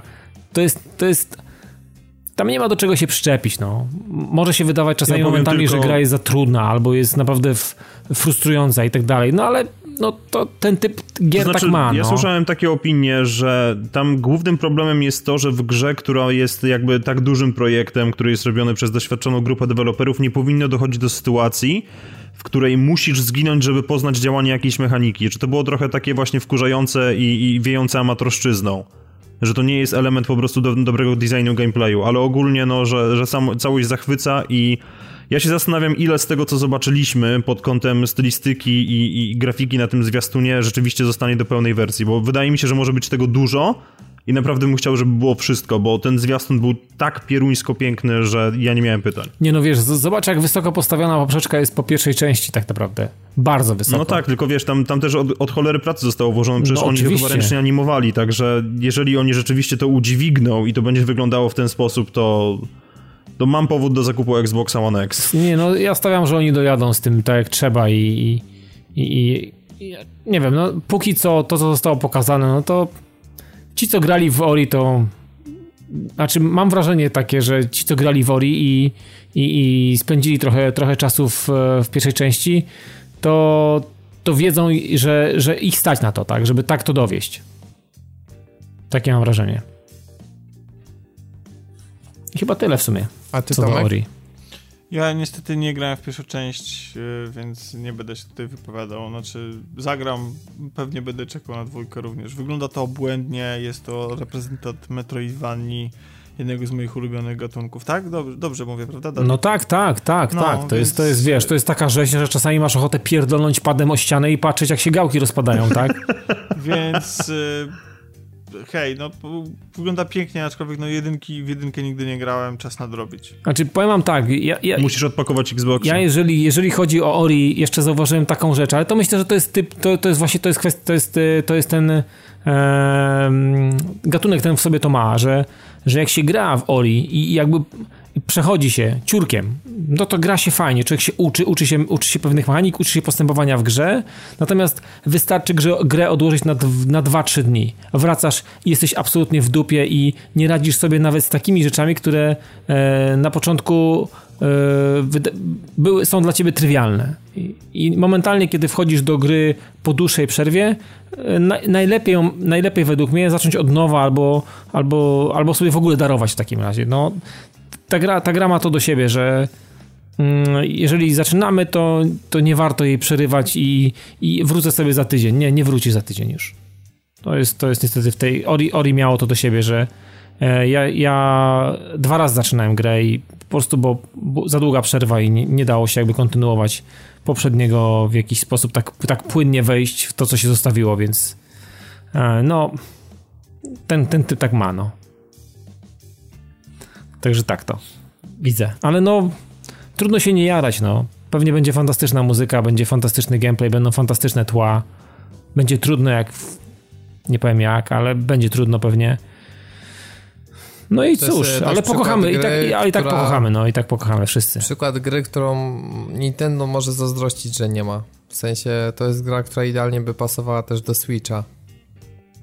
Ja w ogóle wiecie co gdzieś czytałem, że na, na, każdą, na każdą jakby tam klatkę ileś tam w ogóle rysunków było robione tego, tego Tak, bo one były ręcznie rysowane Tak, animacje, to w ogóle, tak zresztą jak, jak, jak, się, jak się biegało w ogóle, animacja tego, tego, tego stworka była fantastyczna, no po prostu tak płynne i tak, tak wiecie, lepkiej w odbiorze dla oka. Dawno się nie widziało takiej I animacji. ta muzyka no. była taka płynna i ten gameplay taki płynny, wszystko to tak To płynęło. tam było wszystko spasowane, po prostu tam, tam nic nie zgrzytało, kompletnie Po nic. prostu płynie jak w piosence Beaty Kozidrak. Kurwa, nawet nie, może być, no. Muszę ci uwierzyć na słowo, bo nie słuchałem. Okej. Natomiast niespecjalnie płynie e, Skull and Bones. Mi jakoś nie... Dla mnie tytuł może popłynąć, o tak powiem. Czaszki i piszczele, tak? No, nawet może mi spłynąć po prostu tak sobie gdzieś tam z boku. Od czaszki aż po piszczele. To jest Assassin's A. Creed 4, z którego wykreślono asasynów i zostawili komponent do pływania po Zostało... morzu. Sam tytuł jest ciężki do zapamiętania, słuchajcie. Skull and Bones. Jakoś tak, nie wiem... Nie, no to jest, wiesz, no... y, Piracki znak rozpoznawczy, no. No dobrze, Oglądałeś, no... Ja oglądałeś kiedyś Gunis? No tak, ja wiem o co, o co chodzi, ale mimo wszystko, że do tytułu gry jakoś tak rzadko się stosuje takie, że dwa rzeczowniki, jakoś nie wiem, mimo wszystko... Dwa piszczele i czaszka, no chłopie, no nie da się pomylić, no. No tak, no ja I czarna wiem. flaga, nie? No, no tak, no ale mimo wszystko nie ma Assassina, więc 2 na 10. Nie no... Ale jest jedno Willy, no. Przede wszystkim nastawiona na multiplayer. Ja nie wiem, czy to w ogóle nie będzie jakieś free to play. Dokładnie, z MTX-em na, Na pewno 600 będzie tygodniowo. MTX-ów od zarąbania, bo będzie całe ulepszanie własnego statku. Będą własne ugrupowania pirackie, będą potyczki między pięcioosobowymi drużynami. E, No i tam wiadomo, wykorzystanie siły wiatru, ulepszenia armaty, taka sytuacja. No nie wiem, ale jakoś No świetnie, no skoro w Gran Turismo za granicą można zdobyć licencję wyścigową, to może tutaj będzie można patent sternika sobie zrobić, no. No, no, Nie wiem, kompletnie mi to nie gra. czepek. for, for, to jest taka próba te, czegoś tak jak For Honor. No coś tu jakby nie No i podejrzewam, że skończy podobnie jak For Honor. No właśnie, no. Ja, ja mówię pas, no. Mnie takie coś nie bawi. Wolałbym się pobawić Sea of Thieves niż coś takiego, to zdecydowanie. Myślę, że Sea of Thieves może jakby popsuć tej grze szyki. Może to będzie wypali. takie World of Tanks na morzu, wiecie, coś tego typu, no. No to jest nawet coś takiego jak World of Warships. Czyli Można kupa, sobie no. pograć, więc no, Czyli, ale jakoś nie grasz. czy, czy, czy tego pana, pewnie, pewnie tego pana Justina, jak on się nazywa, Faren chyba, ten główny dyrektor kreatywny, pewnie szybko Ten wwalą. dziad z laską, ja tego określiłeś? Nie, to nie ten chyba. Nie? Nie, nie, nie to jest inny człowiek. Okej. Okay. Na, na, na pewno się nazywa Justin Faren czy Warren, nie pamiętam. W każdym razie, no, Timberlake. w każdym razie on jest odpowiedzialny za to, więc myślę, że będzie musiał szybko znaleźć nową robotę, no. Powinien sobie już tego trailera zrobić y, profilowe na LinkedIna. Dokładnie. O Chryste. Wypuszczam to tutaj, tutaj o, tej, o te, tego i tego dnia, szukam nowej roboty. Jestem wolny. Jestem wolny, jak to wypuszczam, od razu jestem wolny. Dokładnie, już tam zgra z, z długością y, okresu wypowiedzenia i, i przejdzie, tak? No, Do- pewnie pewnie ma trzy miesiące, bo pewnie trochę nad tym siedział, no. Pewnie tak. Może tylko my z, Dawid, z Dawidem Szydera, a, a ty Piotrek i Tomek kupujecie Day One. Już preordery złożone. No, chyba cię pogrzało, daj spokój, Tak. im trochę szacunku do siebie. Tak raz- na dysku to. Ta gra zajmie honorowe miejsce na mojej półce obok FIFA na Switcha. Mhm. No Ja to położę obok Everybody Golf na. PSP. Nawet bez trybów fabuły. Więcej się może zadzieć niż w tej grze. No ale to może Nie no, po takie... prostu jest skrajnie nieinteresująca mnie gra po prostu. Oczywiście, że tak. Ale rozumiem, że klimat piratów może komuś podchodzić i się tą grą jarać, ale... po prostu- Szanty, No tak, też, jeżeli- szanty, ja jeszcze jeszcze szanty, czekam jeszcze prostu- szanty muszą być. Ale z tych jak- jak- czekam jeszcze na DLC z Johnem Deppem i po prostu będzie komplet. Ale jak są... No wiesz co, w takich piratów z Karaibów to bym zagrał chętnie. No pewnie, Natomiast- to jest natomiast, tak samo, to jest Need for Speed Payback piratów po prostu. Dokładnie. Analogicznie. Natomiast... Yy... A, zresztą nieważne. Po prostu No, nie, no, ta, ta gra jest tak, tak nieinteresująca. No, a z tego, z tego takiego pojedynku piraci versus ninja to zdecydowanie wolę ninja. No, kto a mówił o kolejna ninja? gra nie jest mówię, o co się ninja. Nie, no tak, się- tak się mówi. Powiedzmy, te że takim versus- miejskim ninja był bohater gry Watch Dogs 2, a w Watch Dogs 2 e, włamując się do siedziby Ubisoftu w San Francisco zdobywaliśmy teaser gry o kosmosie i wtedy wyciekło to w internecie i okazuje się, że ową grą o, czy ów grą, już jak zawsze mylę to, że W komentarzach cię poprawią, tak, nie martw się. że tą grą jest Starlink Battle for Atlas. I to jest e, gra kosmiczna właśnie od Ubisoftu, której największym niby punktem innowacji jest to, że do naszego pada DualShocka, czy na przykład pada Xboxowego, czy nawet do Switcha, przytykamy takie nie wiem jak to nazwać, takie ala amiibo, takie statki Kinder niespodzianki takie są stateczki. Tak, stateczki, które no, są nawet całkiem dosyć sporych rozmiarów, które będą sposobem na upgrade naszego statku wewnątrz gry. Czyli. Nie, to jest absolutnie rewelacyjne. To jest tak, że będziesz miał kontroler, który wygląda jak upośledzony pies, ten od Switcha, będziesz na nim stawiał rusztowanie i następnie budował statek z małych elementów, które będziesz kupował za gruby hajs. Dokładnie tak. Ten out of ten. Dokładnie tak. Taki nowy MTX, nowa wersja MTX-a. Musisz no, chodzić do Biedronki i kuwa robić zakupy, żeby dostawać elementy statku. Znaczy nie, no to jest Toys to Life, tylko problem jest taki, że niestety, ale Toys to Life e, po, mm, poza Skylandersami to niestety, ale są w odwrocie i to jest bardzo ryzykowne, prawdę mówiąc, zagranie. No to jest takie... Ja się to, dziwię, bo Ubisoft wygląda, tak jakby nie, spóźnił no, się 3 lata. No ale ta gra, wiesz, no nie, no właśnie, ale zaprojektowanie tego, wyprodukowanie tych zabawek i przede wszystkim stworzenie modelu dystrybucji e, trwa i moim zdaniem to jest właśnie taka... Mm, to jest po prostu spóźnienie się na tą modę. Tylko tyle, że zarówno jak Disney Infinite, jak i LEGO Dimensions no to nie jest chyba coś, co podbiło jakoś masowo rynek i, i właściwie tylko te Skylandersy tak zarządziły. I zresztą Disney Infinity zostało ubite.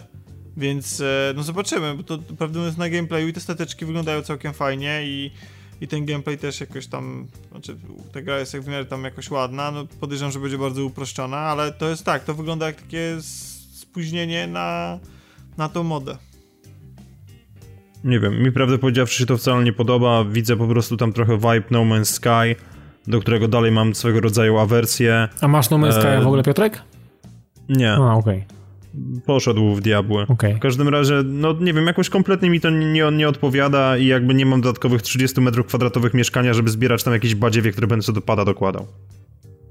Nie no, w ogóle, znaczy mi się podoba wszystko oprócz tych właśnie pieprzonych stateczków, no bo to znaczy oni coś mówili, że chyba będzie możliwość zakupu tych elementów statków bez, bez tych fizycznych modeli, ale kurde, no nie wiem, jakoś kompletnie mi ten model dystrybucji nie odpowiada i to jest takie, wiesz, no nastawienie się od samego wejścia na mikrotransakcje i to, że będziesz, kurde, sobie kupywał pieprzone działko, bo do danego po, po, pojedynku ci to będzie potrzebne. No to jest trochę przypałowe, no to trochę tak, ja też nie jestem taki, wiesz, żeby zbierać jest, jakieś ale gówna to jest, i tak bo nie dalej. macie 10 lat, no. No nie mamy, no. No właśnie, no to nie jest dla was produkt po prostu. Chodzi, chodzi mi o to, że tak samo jak inne Toys to Life, to nie są dla nas, tylko dla naszych dzieci. No problem tylko jest taki, że nawet... No, czyli też dla nas, no bo ja będę musiał to kupić, kurwa. No tak, no ale to no. jest szansa, że nie będziesz musiał, bo, bo no, może się nie przyjmie. Wybije, wybije młotkiem gumowym szybko z głowy. Powiedz młodemu właśnie, że to jest gówno warte i że... Dokładnie, że będzie musiał w kominiarce do szkoły chodzić. Jak to kupi? Mam słyszeć codziennie o 6 rano, jak się bawisz tymi modelami, albo na koniec. Krzysztofa Rutkowskiego na lotniskowiec. Dokładnie, na, cegieł, na cegiełkę, na, cegiełkę. Orzeł wylądował. O, matko. Dokładnie. O, Ace Combat 7 może się będzie działo na czuprynie Rutkowskiego. Jest taka szansa. To by było ciekawe. Natomiast nie wiem, czy ciekawe jest Days Gone. Mam jakiś problem z tą grą, słuchajcie. Ja też. Nie ty jeden. Ja też. Myślę, że nie jesteś, nie jesteś jest, osamotniony w tym e, temacie. Jak zobaczyłem na reveal tej gry, to trochę mi się State of Decay przypomniały. To jest podobny sposób rozczarowania. No nie wiem, czym ta gra chce mnie kupić, tak? Bo ani tam jakieś nie widzę super narracji, fabuły zapowiadającej się, ani ten gameplay nie wygląda taki dopracowany. Nie wiem w sumie. Jakoś... Znaczy tam coś nie, tam coś nie jest może mam dosyć no. tą tematyki zombie, po prostu się nie zajaram tym, ale... Nie, no ja, ja akurat tak nie mam. Ja nigdy nie, nie, mam, nie mi się bardziej podobał niż ten, muszę wam powiedzieć.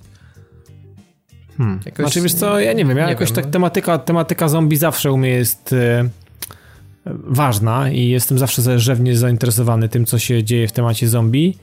E, I praktycznie większość ty tytułów, gdzie coś się takiego właśnie dzieje, to, mm, to skupia moją uwagę. Natomiast e, nie wiem, tutaj jak się nazywał ten film mm, z, z Bradem Pittem był ten o takich zombiakach taki trochę? World, World War Z. No to, to trochę mi przypomina to, to gówno właśnie, że ale wiesz co, ja mam dokładnie takie same wrażenie. Ja mam wrażenie, że to będzie średniak, taki najzwyczajniej w świecie średniak, którego jedynym wyróżnikiem będzie fakt, że zombie przelewają się jak ciecz. Tak. Taka, taka żywa rtęć w postaci, e, wiesz, zombiaków, no. Tak, i zobaczenie jeszcze, kurde, na koniec, to będzie po prostu demo technologiczne na swój sposób i zobaczenie na koniec tego niedźwiedzia zombie to już w ogóle był taki gwóźdź do trumny klisz, no, było tam wszystko i nawet główny bohater jakoś specjalnie mi nie podchodzi, bo jest jakimś, za przeproszeniem, kutasiarzem, który chodzi w Double Denim Disaster i ma czapkę odwróconą daszkiem do tyłu. Tak, wygląda jak był takim, wiesz, ortodoksyjnym fanem e, Axela Rose, nie? I, tak, i jeździł, kuwa, jeździł z Arnoldem Schwarzeneggerem w Terminatorze 2 na motocyklu. Więc no... Poza tym, nie wiem, ja jakoś mam problem z Sony Band, no bo oni jednak, kurde, od prawie 10 lat nie zrobili dobrej gry. No to, czy, to czyli, czyli, ludzie, czyli ten okres będzie trwał jeszcze, dali nam Piotrek, ten okres Oni nam dali trwał. Resistance Retribution, który był kiepski, dali nam Uncharted Golden Abyss, które powiedzmy, że było ok, dali nam nie. Uncharted Fight for Fortune, które było w ogóle jakąś karcianką i teraz nagle jest Days Gone na PS4. No ale to, to czy to nie jest kariera godna... Nikosiadyzmy. Nie, tych ludzi od tego, od y, The Order 1886, czyli przenosimy się z, mob, z gier przenośnych na, na, na, na duże tytuły. No ale to są ludzie, którzy wcześniej robili Siphon Filter. No tak, masz rację. Także no to, to, to jest jakaś chora sinusoida i może to jest ten moment, kiedy oni znowu, znowu zaczną iść w górę, ale jakoś patrząc na gameplaye, i na to wszystko, co do tej pory zostało pokazane, no to mówię, to jest demo technologiczne przelewających się zombiaków, czyli na zasadzie, hej, nasza konsola jednak umie to wyliczyć, ale tak poza tym to nie ma tam naprawdę niczego specjalnie interesującego, przynajmniej dla mnie. Czyli to jest znakiem było, nie? Czyli to jest nak, właśnie, to, to, chciałem powiedzieć, że to, to jest nak tak, tak znakiem, czasów. no. Zombie nak. To jest, dokładnie, tak. nak tego roku. Znaczy przyszłego, bo gra wyjdzie no, na jesień. Jeden chuj i tak będzie gówno. Pięknie. Ojciec podsumował, ojciec przemówił, po prostu sprawa zakończona. Sony usłyszało, kasuje, koniec. Dokładnie. Tak. Jutro chłopaki są na LinkedInie z otwarci do Natomiast e, słyszałem wiele takich kontrowersyjnych opinii słyszałem o Monster Hunter World, to pewnie Tomek czeka i mu się podoba. A co tam jest kontrowersyjnego? W, Mon w Monster Hunterze nic chyba. Ty zawsze mówisz o, ty o tych grach, dobrze się wypowiadałeś o tej marce. Tak, to jest super gra, która przy, po przeniesieniu na PS4, znaczy na, na, na duże konsole, pozbędzie się głupich ograniczeń i mam nadzieję wszystkich archaizmów, które mogły irytować w wersjach przenośnych, a przede wszystkim w końcu będzie miała jako taką grafikę, bo to nie jest... No właśnie jakieś... ona wygląda słabo, kurczę. No ale no nie, ona nie wygląda słabo, ona wygląda dużo lepiej niż to, co mogliśmy... Wiesz, no nie, dos, nie dos, to jest Okej, okay. ona w Japonii się sprzeda... Ona nie wygląda słabo, ona wygląda źle, no. Znaczy nie, ona w Japonii by się sprzedała jak chora. Tylko że oni tam nie grają na stacjonarnych platformach, nie? Więc to jest bardziej Monster Hunter, wydaje mi się, na zachodni świat niż... A Zachód dostał Horizona jako Monster Hunter. Nie, no, to jest Monster Hunter, nie który nikogo, no. no. nie, to nie możesz porównywać... Yy, nieprawda, że nikogo. Wydaje mi się, że to właśnie będzie część, która do ciebie, do siebie przyciągnie ludzi i przyciągnie do siebie ludzi, którzy, yy, którym się podoba The Search, którym się podobają Soulsborne, ponieważ nie możesz porównywać mm, Monster Huntera absolutnie do Horizona. To tak jakbyś porównywał Devil May Cry do Dark Soulsów bo tu i tu się wali mieczem. No nie, to jest zupełnie inna gra. Horizon to jest gra y, action RPG, i, w której zresztą to samo zresztą jest zresztą z Monster Hunterem, ale yy, Tutaj walczy z dużymi potworami. Ale Monster Hunter jest oparty na staminie. I na, na tym, że y, twoje zachowanie na polu walki zajmuje określoną ilość czasu. Że tępi ci się broń, którą musisz e, poświęcić, musisz strategicznie sobie rozplanować, w którym momencie możesz, e, musisz e, naostrzyć broń, przystanąć. To jest gra bardzo powolna w, w porównaniu do, Horiz do Horizona. I wiesz, w, w Horizonie sobie przygotowujesz strzały w biegu na slow motion, nie? No to wiesz, jakby to jest nie no, okej, okay, dobra. Bo to jest a, zupełnie inny, inny model rozgrywki i to jest dużo bardziej wymagający skupienia i oczywiście nie ujmując y, jakby frajdzie, która płynie z walki w Horizonie, to, to, to... To wychodzi gdzie? Na co to wychodzi? Na wszystko. I to jest właśnie to znaczy najlepsze. PS4, okay. PC, no to masz moją uwagę. One. I to jest, to jest właśnie super Może sprawa, się zainteresujesz, Dawidzie. No że, tak, właśnie, tak właśnie myślę o tym. Że to jest, wiesz, i tam w końcu, to będzie w końcu otwarty świat. Nie będzie tego durnego podziału na na poszczególne rejony wynikające z tego, że, że po prostu ograniczeń sprzętowych 3DS-a i to jest wielki deal, że, że, że się e, że Nintendo się pozbywa tej ekskluzywności tej marki. I nie będzie wersji na Switcha? What the fuck w ogóle? Znaczy, nie, nie, nie, nie, będzie, bo po, pody, mo, Nie wiem dlaczego nie będzie. No powiedz to, że jest za słaby po nie, prostu. no dostanie swoją wersję, tak? Tego Monster Huntera. No nie wiem, czy jest za słaby, czy nie. No jest, dostaliśmy Zeldę, no, która W udowadnia, Sepi, że... w Sepi dostanie wersję. Nie, nie, chodzi o to, że, że, że dostaliśmy Zeldę, która udowadnia, że wcale nie musi tak być, no. Mamy w końcu tego Skyrima, tak? E, Więc on mógłby... gwy- Mamy Skyrima, który wygląda na poziomie oryginału z 2011 Nie, roku. gorzej tak? wygląda, ale chodzi o to, że... No ale chodzi o to, Ale że mamy. jest w stanie... Ale jest, no Mamy, ale jest, mamy. jest, jest w stanie udźwignąć Mamy grę e, z otwarty świat. 360, mamy. No ale wiesz co, prawdę mówiąc, ten Monster Hunter wygląda jakby był z 360, no. Więc jakby... No właśnie, więc dlatego się dziwię, że nie ma wersji na Switcha, bo No wydaje być mi się, może że chodzi o jest... jakieś kwestie, no być może albo faktycznie nie, nie, nie uciągnie, albo nie są w stanie zaprogramować tego tak, żeby to uciągnęło, Albo albo... wyjdzie w późniejszym terminie. Tak, a może nie chcą właśnie kanibalizować tego z tym y, tytułem, który wyjdzie na, na Switcha. No w każdym razie wygląda to dla fana serii mega ciekawie i, i myślę, że, że osoby, które właśnie są lubią tą taką trudną walkę opartą o staminę, mogłyby się tym zainteresować. A, bo naprawdę te... Zresztą tutaj mamy jakieś tam urozmaicenia typu dodanie linki, mamy... mamy mm, y, w końcu, y, znaczy tak jak powiedziałem, nie ma tego podziału na na, na rejony, więc jest to normalny, otwarty świat i, i to też sprawia, że w ogóle całe te, to środowisko na siebie oddziaływuje, że te potwory na siebie polują i tak dalej, więc to jest, to są to fajne zmiany i ja czekam. Nie wiem, czy skończę tak jak nie skończyłem Generations, ale, e, ale, ale zobaczyć to pełną wersję będzie fajnie. Na pewno będzie też fajnie zobaczyć pełną wersję remake'u Shadow of the Colossus. I faktycznie jest to słowo remake na miejscu, ponieważ nie jest to remaster, ponieważ wszystkie asety powstają od nowa i ma zostać też odnowione sterowanie i to jest myślę świetna wiadomość dla wszystkich tych, którzy nie wiem, nie grali, nie skończyli, chcieliby spróbować, a jednak mm, technikalia mm, czy takie też gameplayowe rozwiązania mogłyby już im nie pasować w dzisiejszych czasach. Także Sony tutaj przychodzi na ratunek i właśnie odświeża jedną ze swoich kultowych gier z czasów PlayStation 2. Jak No, wam się podoba ta wiadomość? Super mi się podoba i trochę, trochę jestem zdziwiony, że ona przeszła tak bardzo bez echa. Tak, przeszła bez, e, bez e, echa. Widać, że oni chcą wykorzystać chyba, bo to tak trochę zalatuje, no wiadomo, że to to samo studio i twórca, ale tak jakby z The Last Guardian chcieli trochę, ale chyba nawet to wygląda lepiej. A mam mi, się, a mi się wydaje, że ta gra powstała, znaczy, że miała wyjść przez The, przed The Last Guardian.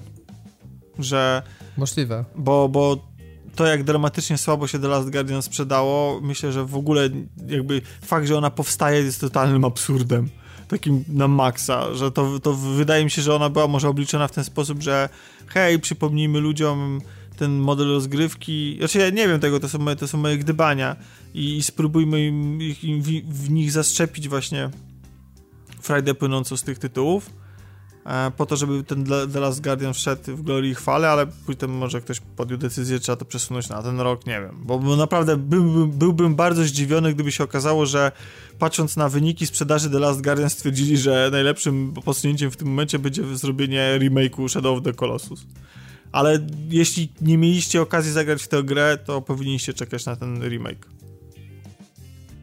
No dlatego właśnie ja czekam, bo mój romans na PS2 był bardzo przelotny i niezbyt owocny, na PS3 zresztą było podobnie, więc na PS4 mam nadzieję, że w końcu usiądę, będę grał, będę się jarał Myślisz, i że to coś zmieni, Co prawda- Piotrek? Wiesz co, nie wiem, jeżeli oni unowocześnią sterowanie, no to wydaje mi się, że tak. Okej. Bo dla mnie właśnie bardzo dużym problemem było to, na jakiej zasadzie tam się poruszała postać i w ogóle jaką kontrolę nad nią mieliśmy, więc zaryzykuję stwierdzenie, że tak. Poza tym podejrzewam, że oni w momencie, kiedy robią to jako remake, to mogą zastosować podobną politykę, co przy okazji Ratcheta, czyli nie będzie to pełna cena i będzie po prostu no, przystępne i jednocześnie będzie oferowało fajne doświadczenie. Co prawda cały czas nie mogę się pozbyć wrażenia, że to jest na zasadzie sprzątali swoją siedzibę gdzieś w Japonii, natknęli się na stary laptop Della i zobaczyli, hmm, mamy stare niezoptymalizowane mesze, które teraz PS4 pociągnie, więc zróbmy jeszcze jedną grę. Tak, e, natomiast e, z drugiej strony mnie dziwi, że tak odległy jest to tytuł. Ja bym się spodziewał, że uda im się to upchnąć w tym roku, a tymczasem to dopiero za prawie półtora roku. Więc chyba dopiero się za to biorą. Jakimś dziwnym trafem, no bo przecież to jest remake, okej, no nie powinno to zajmować aż tyle czasu, skoro skoro to nie jest No nie, no to jest remake, no wiesz, to, to, to jak widzisz porównania, to widać ewidentnie, że tam są dużo więcej szczegółów dodanych. No wiesz, to, to jest, y, to nie jest tak, że to jest jakiś remaster, podbijamy rozdziałkę i wygładzamy Nie, no tekstury, jasne. tylko- Ale mimo, mimo to wygląda po prostu dużo tak lepiej. długo poczekamy jeszcze na ten tytuł, tak? Fajnie, gdyby Sony No to to może, miało. to, to może się mylę, może faktycznie ta sprzedaż The Last Guardian gwarantuje sprzedaż i opłacalność um, Shadow of the Colossus. Natomiast myślę, że dobrze sprzeda się Spider-Man. Marvel potrzebuje dobrych gier, e, ponieważ e, tak jak DC ma świetną serię Arkham, tak myślę, że Spider-Man zasługuje na dobrą grę, a już chyba z 10 lat takowej nie było. I teraz jest poważna szansa na zmianę tego, chociaż e, na pewno wiele osób może kręcić nosem, że walka przypomina tą serię Arkham, ale też warto sobie przypomnieć, że z kolei ta seria Arkham też wiele wykorzystała z, właśnie z serii gier o Spider-Manie, więc nie jest to znowuż takie jakieś nienaturalne, że te serie czerpią od siebie nawzajem. Chociaż nie jestem tak totalnie kupiony, ale mi podobały się, powiem wam i to możecie się śmiać, te bardziej skryptowane sekwencje pełne akcji. Uważam, że ta akcja z tym helikopterem to było dynamiczne. Życzyłbym sobie może trochę mniej quick time eventów, ale tak czy siak to było mega efektowne i, i, i, i robiło wrażenie mimo wszystko. Więc mi się, mi, się, mi się całkiem podoba, chociaż czekam na więcej informacji. Chłopaki jak wy, Piotrek, ty Ja jestem bardzo na tak. Mi się to podoba, ponieważ, no tak jak mówisz, tak, to jest walka ściągnięta z Arkham. Nie wiem na ile są to rozwiązania, które z kolei zostały ściągnięte przez Arkham z wcześniejszych gier o Spider-Manie, ale podoba mi się to, co zobaczyłem, ponieważ Spider-Man jest o wiele lżejszy w tej swojej walce i widać też trochę takiej nauki, którą jakby Insomniac wniosło z robienia Sunset Overdrive, jeżeli chodzi o ten gameplay, który poruszał na poruszaniu się po, polegał na poruszaniu się po mieście. Aczkolwiek, tak jak mówię, walka bardzo ok, ta postać jest wyraźnie o wiele bardziej lekka i wydaje mi się, że też w związku z tym będzie można nieco kreatywniej tego wszystkiego podejść, bo Batman, szczególnie już w ostatniej części, momentami był takim klocem i wiedziałeś, że jak on wyprowadza prawy sierpowy, to to się po prostu skończy tym, że no, będzie skręcony kark i przy okazji złamany kręgosłup w czterech miejscach od jednego ciosu. A tutaj jest jednak tak trochę delikatniej.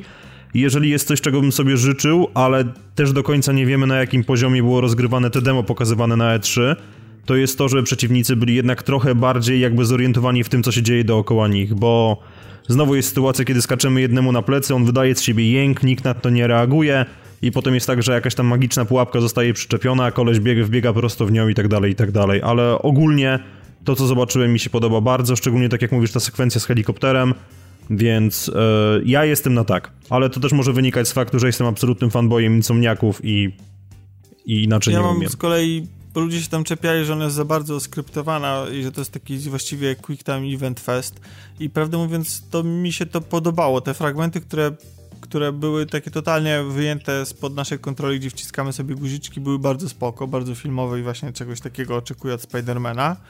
Natomiast mam pewne zastrzeżenia co do tego, jak wyglądała sama, same etapy, sam etap tego fragmentu, który nam pokazali, gdzie mamy y, pełną kontrolę nad postacią.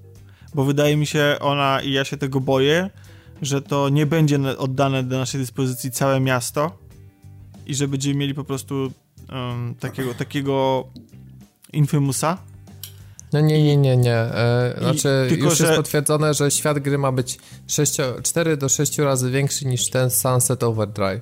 Aha, czyli to będziemy mogli sobie swobodnie open world to będzie, tak? Tak. Tak, i wiesz co, wydaje mi się, że takie oskryptowane sekwencje to będzie po prostu w momencie, kiedy no, zdarzy się jakaś cutscenka właśnie tego typu i będziemy ciągnięci gdzieś za jakimś śmigłowcem. Okej, I bo, ja się, będą bo, ja od się, bo, ja czasu się do bałem, bo, bo ja się bałem, że po prostu, że to będzie wyglądało w ten sposób, że będziemy sobie od misji do misji przela, przelatywać niemalże automatycznie i wie, wiecie, że nie, będzie, że nie będzie tego poczucia, że jesteś takim po prostu, że masz tą swobodę bycia pająkiem i że wyczekujesz tak. Tych, tych wszystkich zagrożeń, bo to, co mi się w Arkham e, to wiadomo, z, z oczywistych powodów po prostu te gry były ograniczone, one się nie, tam byłeś Batmanem, ale byłeś Batmanem w zamknięciu. Zawsze, albo nawet jak miałeś w trójce, no to to, to miasto było wymarłe, tak, znaczy ewakuowane, więc nie było tego poczucia, że działasz w prawdziwym mieście i ja bym sobie tego życzył bardzo od tej gry, żebyśmy, żeby było to poczucie, że mamy tych cywili, że to wszystko się rozgrywa tu i teraz, że podróżujesz sobie po tym mieście, masz tych wszystkich właśnie ludzi, że to miasto żyje swoim tepem, swoim życiem, a ty wśród tych ludzi prowadzisz e, walkę ze złem i, i tam właśnie, a, nie wiem, wyszukujesz sobie swoich, e, swoich oponentów i, i gdzieś tam Wiecie, poza tymi misjami skryptowanymi, no nie do końca mi się podobała ta walka niestety. To, co, to, co tutaj mówiłeś... Yy, um... No jeszcze wymaga dopracowania, tak jakby. To znaczy, ona jest, wydaje mi się, że to jest za proste, że to jest, w tym, w tym fragmencie to było, wskakujesz i masz ikonki nad głowami przeciwników, pyk, pyk, pyk, do widzenia. I to jest takie. Ale myślę, że to jest że nie ma tego... poziom trudności. Znaczy, ale nie, nie chodzi o poziom trudności. Chodzi o to, że nie ma tam takiego kombinowania, takiego, cała ta sekwencja nie pokazuje czegoś takiego że, że, że ja muszę być naprawdę zaangażowany w ten gameplay. Że właściwie, czy to było QTE później, czy to była ta sekwencja walki wcześniej, to nie ma dla mnie żadnego znaczenia, bo to wszystko wyglądało jak po sznurku. I tutaj mam. Nie mam pretensji do tych QTE, które były później, tylko zastanawiam się, czy. Um, czy ta walka nie będzie po prostu zbyt ograniczona i te możliwości wykorzystywania terenu do walki i tak dalej, czy to nie będzie takie za bardzo podane na tacy. Oczywiście ja wiem, że pokaz na konferencji się, ma swoje prawa i musi się jakoś tam odpowiednio dynamicznie toczyć. E, no ale nie widzieliśmy za bardzo chyba nic więcej, nie? Czy było coś pokazywane? Nie, nie, nie. Po no prostu jakby były Doceniam tylko to, co, to, co zobaczyłem. Po, po, po E3 były E, właśnie odnośnie e, tego, co powiedziałeś, to mi przyszło do głowy, że taki mechanizm takich misji losowych, który się pojawiał na przykład właśnie w GTA, między innymi, że coś się dzieje nagle na ulicy i możesz jakoś zareagować, to, to by się świetnie No zobaczymy jak to zobaczymy jak to będzie wyglądało, ale to co się działo jakby i wiem, że to jest też część po prostu prezentacji gameplayu i że niekoniecznie tak zawsze będzie, ale podobał mi się ten tłum, który się zbiegł na sam koniec już jakby po, po zakończeniu tego gameplayu, tylko nie do końca wiem co sądzicie o pojawieniu się Milesa Moralesa? Bo obawiam się, że im może strzelić do głowy, że hej, zabijemy Petera Parkera w tej części i jego schedę przejmie Miles Morales, a jakoś nie wiem, czy to jest dobry pomysł. Czy oni mogą... Dlaczego? Wszystko jedno właściwie, kto będzie tym Spider-Manem, prawdę mówiąc. No bo no, jeżeli, jeżeli Miles Morales jest jednym z e, głównych Spider-Manów w całym tym Spider-Versie i jest równoprawny, to, to wszystko mi jedno, aby był ciekawą postacią po prostu. Czy to jest Peter... Prawdę mówiąc, to ja jako człowiek, który nie zna Milesa Moralesa, jego originu i tak dalej, to wolałbym właśnie jego poznać niż po raz tysięczny Petera Parkera. Całe Zatem, szczęście no, nie będzie... że nie będzie zabójstwa wujka Bena. Nie będzie także śmierci wujka Bena, bo to jesteśmy już od y, 8 lat Spider-Manem, także... No, więc to może jest właśnie etap, w którym, wiesz, Peter przechodzi na emeryturę albo ma się zająć jakimiś poważniejszymi sprawami, natomiast E, nie podoba mi się strój. Design. To jest, to jest dokładnie ten sam problem, który ja mam w przypadku Injustice. Po prostu to jest przefajnowane jakieś takie. takie Trochę tak. Moim zdaniem to powinno być skromniejsze. No, ale to jest mój... No nie wiem, tam podobno ma być podany jakiś powód, dla no którego jasne. on jest właśnie no, taki... Pewnie, żebyś... Mi się podobał strój Spidermana z tych y, filmów, które Sony robiło, czekaj, 2006, 2008 rok. Sama tak... Raimiego, tak? No, to tam było fajne. No tak, tylko że tam główny bohater był absolutną ciapą. To było, ale mówimy o stroju Spidermana teraz. Znaczy nie, i ten nowy też mi się podobał, po prostu, żeby on był taki bardziej klasyczny, komiksowy, z takich, z tych z tej, nie wiem, no z tych, tak jak ja go kojarzyłem, żeby bez tych wszystkich udziwnień. Po prostu mam jakoś taką, jakieś takie przywiązanie do tych tradycyjnych strojów bardziej stonowanych. A aby się nie okazało wytłumaczenie dla dziwacznego stroju Spidermana, że musisz biegać od kropki do kropki po to, żeby szukać e, odpowiednich rzeczy, żebyś mógł sobie zupgrade'ować ten strój, żeby w końcu wyglądał tak, jakbyś sobie zażyczył, bo ma wyglądać tak jak z jakiegoś tam filmu i tak dalej. Będziesz, będziesz mógł kupić skiny pewnie za 4,99. Tak, ale będziesz też grał e, całkiem sporo segmentów jako Peter Parker, bo też to jest potwierdzone, Właśnie... że będzie to ważna część całej historii. Właśnie to, to mówili, um, rozmawiali o tym w podcaście chyba Easy Alliance i to byłoby super, gdyby coś takiego zrobili. E, mianowicie, gdyby życie Petera Parkera było równie ważne, albo właściwie, żeby ta gra była o Peterze Parkerze, a nie o Spidermanie. Żeby to było tak, że ty musisz non-stop prowadzić swoje normalne życie i musisz non-stop decydować, czy masz iść, nie wiem, iść na klasówkę, albo e, czy masz iść komuś pomóc. Czy masz, wiesz... wiesz Tylko choć... jest takie mechaniki jak z Persony by tutaj się nadawały całkiem. Chociaż z drugiej tak? strony, jak mówi, że nie jest 8 lat już Spider-Man, to już jest dorosły, więc w sumie, w sumie nie No ma... tak. No tak, no to okej. Okay. Ale to tak, by tak. pasowało tak. do tego nowego filmu bardziej niż... No, ale, to, ale tak i tak musimy przejść swoje życie. Właśnie to, to byłoby fajnie. To, to, to jest ta jedna z nielicznych rzeczy, które robiła fajnie um, ten uh, Batman który właśnie często pozwalał ci wybrać, czy chcesz iść, znaczy często, jak na grę o Telltale, pozwalał ci czasami wybrać, czy na przykład daną sprawę lepiej rozwiążesz po cywilnego jako Bruce Wayne, czy lepiej jako Batman na przykład. Więc y, jak czy ma się tam gdzieś tam się pojawić, prawda? Jakim... Więc to było, to jest, y, to było fajne i fajnie, gdyby się tutaj też coś takiego pojawiło. Ale to... pewnie nie będzie. To już czekam na więcej informacji. Premiera jesienią 2018 roku. A teraz czas na gry, które wyjdą kiedyś. A kiedy to już na razie lepiej nie When it's done. Tak jak Dokładnie. słynny slogan, e, kiedy... Blizzardowy. I Blizzardowy, ale też i Duke Nukem był tak podpisany w pewnym momencie. Ale słuchajcie, czy jest jakaś taka gra, na którą tak strasznie czekamy? No Cuphead chyba jest takim numerem jeden, Below, no ale w, jak już w, wyszedł ten Duke Nukem, właśnie The Last Guardian Final Fantasy XV, to jest coś takiego, co czekamy? No remake Final Fantasy VII. Eee... No ja czekam na Nino Kuni, no na pewno czekam na Nino Kuni, no. No ale to nie jest, nie było to obsowane. GT Sport chyba jeszcze nadaje się do tej kategorii. A Natomiast... mówisz, taki, mówisz, mówisz, o takich obsuwanych, obsuwanych, tak? Że takie, które się tam tak. gdzieś odwlekały w czasie? Tak. No to ja chyba takiego czegoś nie mam. Jeszcze tak dużo jest gier, że teraz przytoczenie czegoś yy, z pamięci jest ciężkie po prostu. Jest tak dużo gier, że przytoczę grę, o której pewnie nie słyszeliście. Nazywa się Ashen albo Asian albo jeszcze jakoś inaczej. Albo Ashin. W każdym razie yy, jest to tytuł, który podobnie jak e, A Way Out mocno skupia się na kooperacji. I to jest też tytuł, który kilka lat temu został wspomniany i miał ukazać się tylko na PC i Xbox One i, i Such po nim zaginął. E, ale póki co jest mowa nawet nie o wersji PC, tylko właśnie tylko na Xboxie One, więc jest możliwe, że to jest jedyny e, ekskluzyw, jaki jest taki typowo Xboxowy, że nie jest tylko konsol Chociaż jest to napisane, bo console launch exclusive, więc pewnie potem się pojawi też na innych platformach. Tak, tak właśnie będzie. Tak Spencer to rozszyfrował to, to hasło. Tak. Eee, Dawidzie, ty chyba na to myślę, że w miarę czekasz. No, jest tam dosyć oryginalna też oprawa, chociaż nie wiem No przede wszystkim, przede wszystkim na to, no. Nie wiem na ile to się przełoży na finalny tytuł, bo tu nie dostaliśmy gameplayu jeszcze. No myślę, że wiesz, to ciężko powiedzieć, czy to się przełoży, czy nie. Natomiast e, ja mam tak, że zawsze coś, co wygląda e, w jakiś sposób ma taki unikatowy swój styl, powoduje, że, że człowiek zawsze się tam interesuje czymś, czymś świeżym, czymś nowym, czymś, czego nie ma na każdym rogu. No i tu mamy w, w tej, że tak powiem, w tej kategorii może kiedyś wyjdzie, mamy dwie takie gry. Jedna jest właśnie pixelartowa, a druga jest taka właśnie stricte 3D, tak jak ten Ashen. No wiesz, no o tej grze się tak naprawdę mało wie, no oprócz tego, że to jakiś RPG kooperacyjny. Znaczy, wygląda to naprawdę fajnie, wygląda to ciekawie, natomiast czy będzie ciekawe w odbiorze w, już później w całości, no to się okaże. No póki co na pewno jakaś tam uwaga jest skupiona na to, no.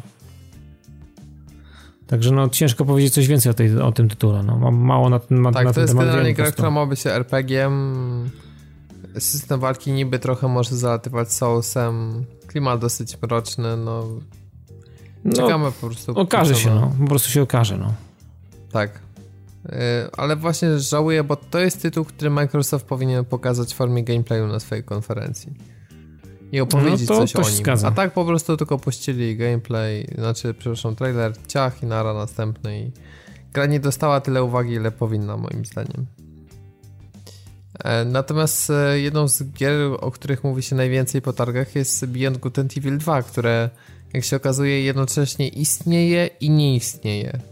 To znaczy dostaliśmy po raz kolejny ociekający tłuszczem CGI i to można powiedzieć dosłownie ociekające tłuszczem.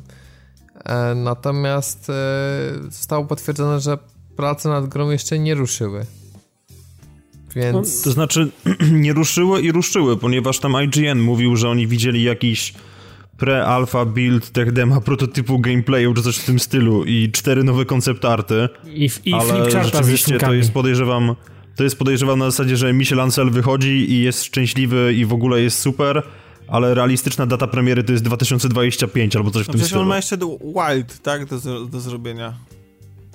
Znaczy, no, on się ma niby najpierw skupić na tym, a Wild trochę odłożyć, ale przede wszystkim mówimy tutaj o e, tym, że Beyond Good and Evil 2 będzie oferował proceduralnie generowane systemy gwiezdne, więc wiemy, że to trwa.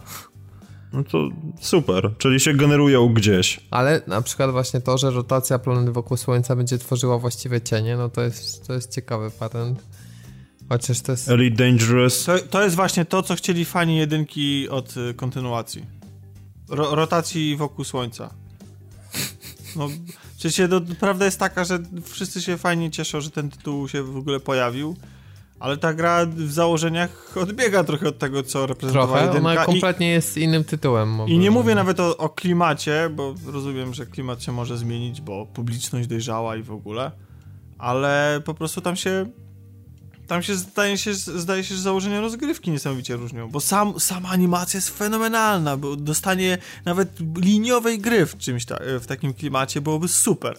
Mało tego, w ogóle nawet dostanie animacji po prostu, filmu pe pełnometrażowego, tak zrealizowanego jak e, tak. to CGI byłoby ekstra, bo po prostu klimat um, tego miasta, tych postaci, które oczywiście są stereotypowe i, i grają właśnie na tych stereotypach i, i, i takich, takim rasizmie, ale z drugiej strony są też fenomenalnie zagrane i całość jest takie bardzo mocno z przymrużeniem oka, wulgarne, ale... Dokładnie, to się ludziom nie podobało, widziałem, bardzo mocno. No bo ludzie by chcieli dostać to, co było w jedynce pewnie, taką bajkę trochę, nie?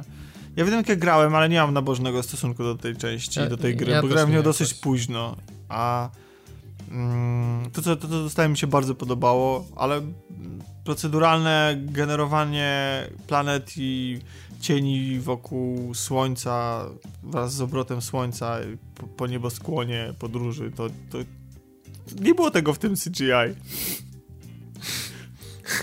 No nie było, ale wiesz co, jakby też w opisach e, w tej gry to często się przejawia Zelda i zastanawiam się, jest duża szansa, że jakby ponieważ ta gra dopiero powstaje, to jest to przykład tytułu, który ma szansę zostać zaprojektowany właśnie już po ograniu Zeldy. To zawsze zajmuje czas, tak jak teraz y, twórcy próbują korzystać z zadań Wiedźmina, to już prawie 2-3 lata po premierze.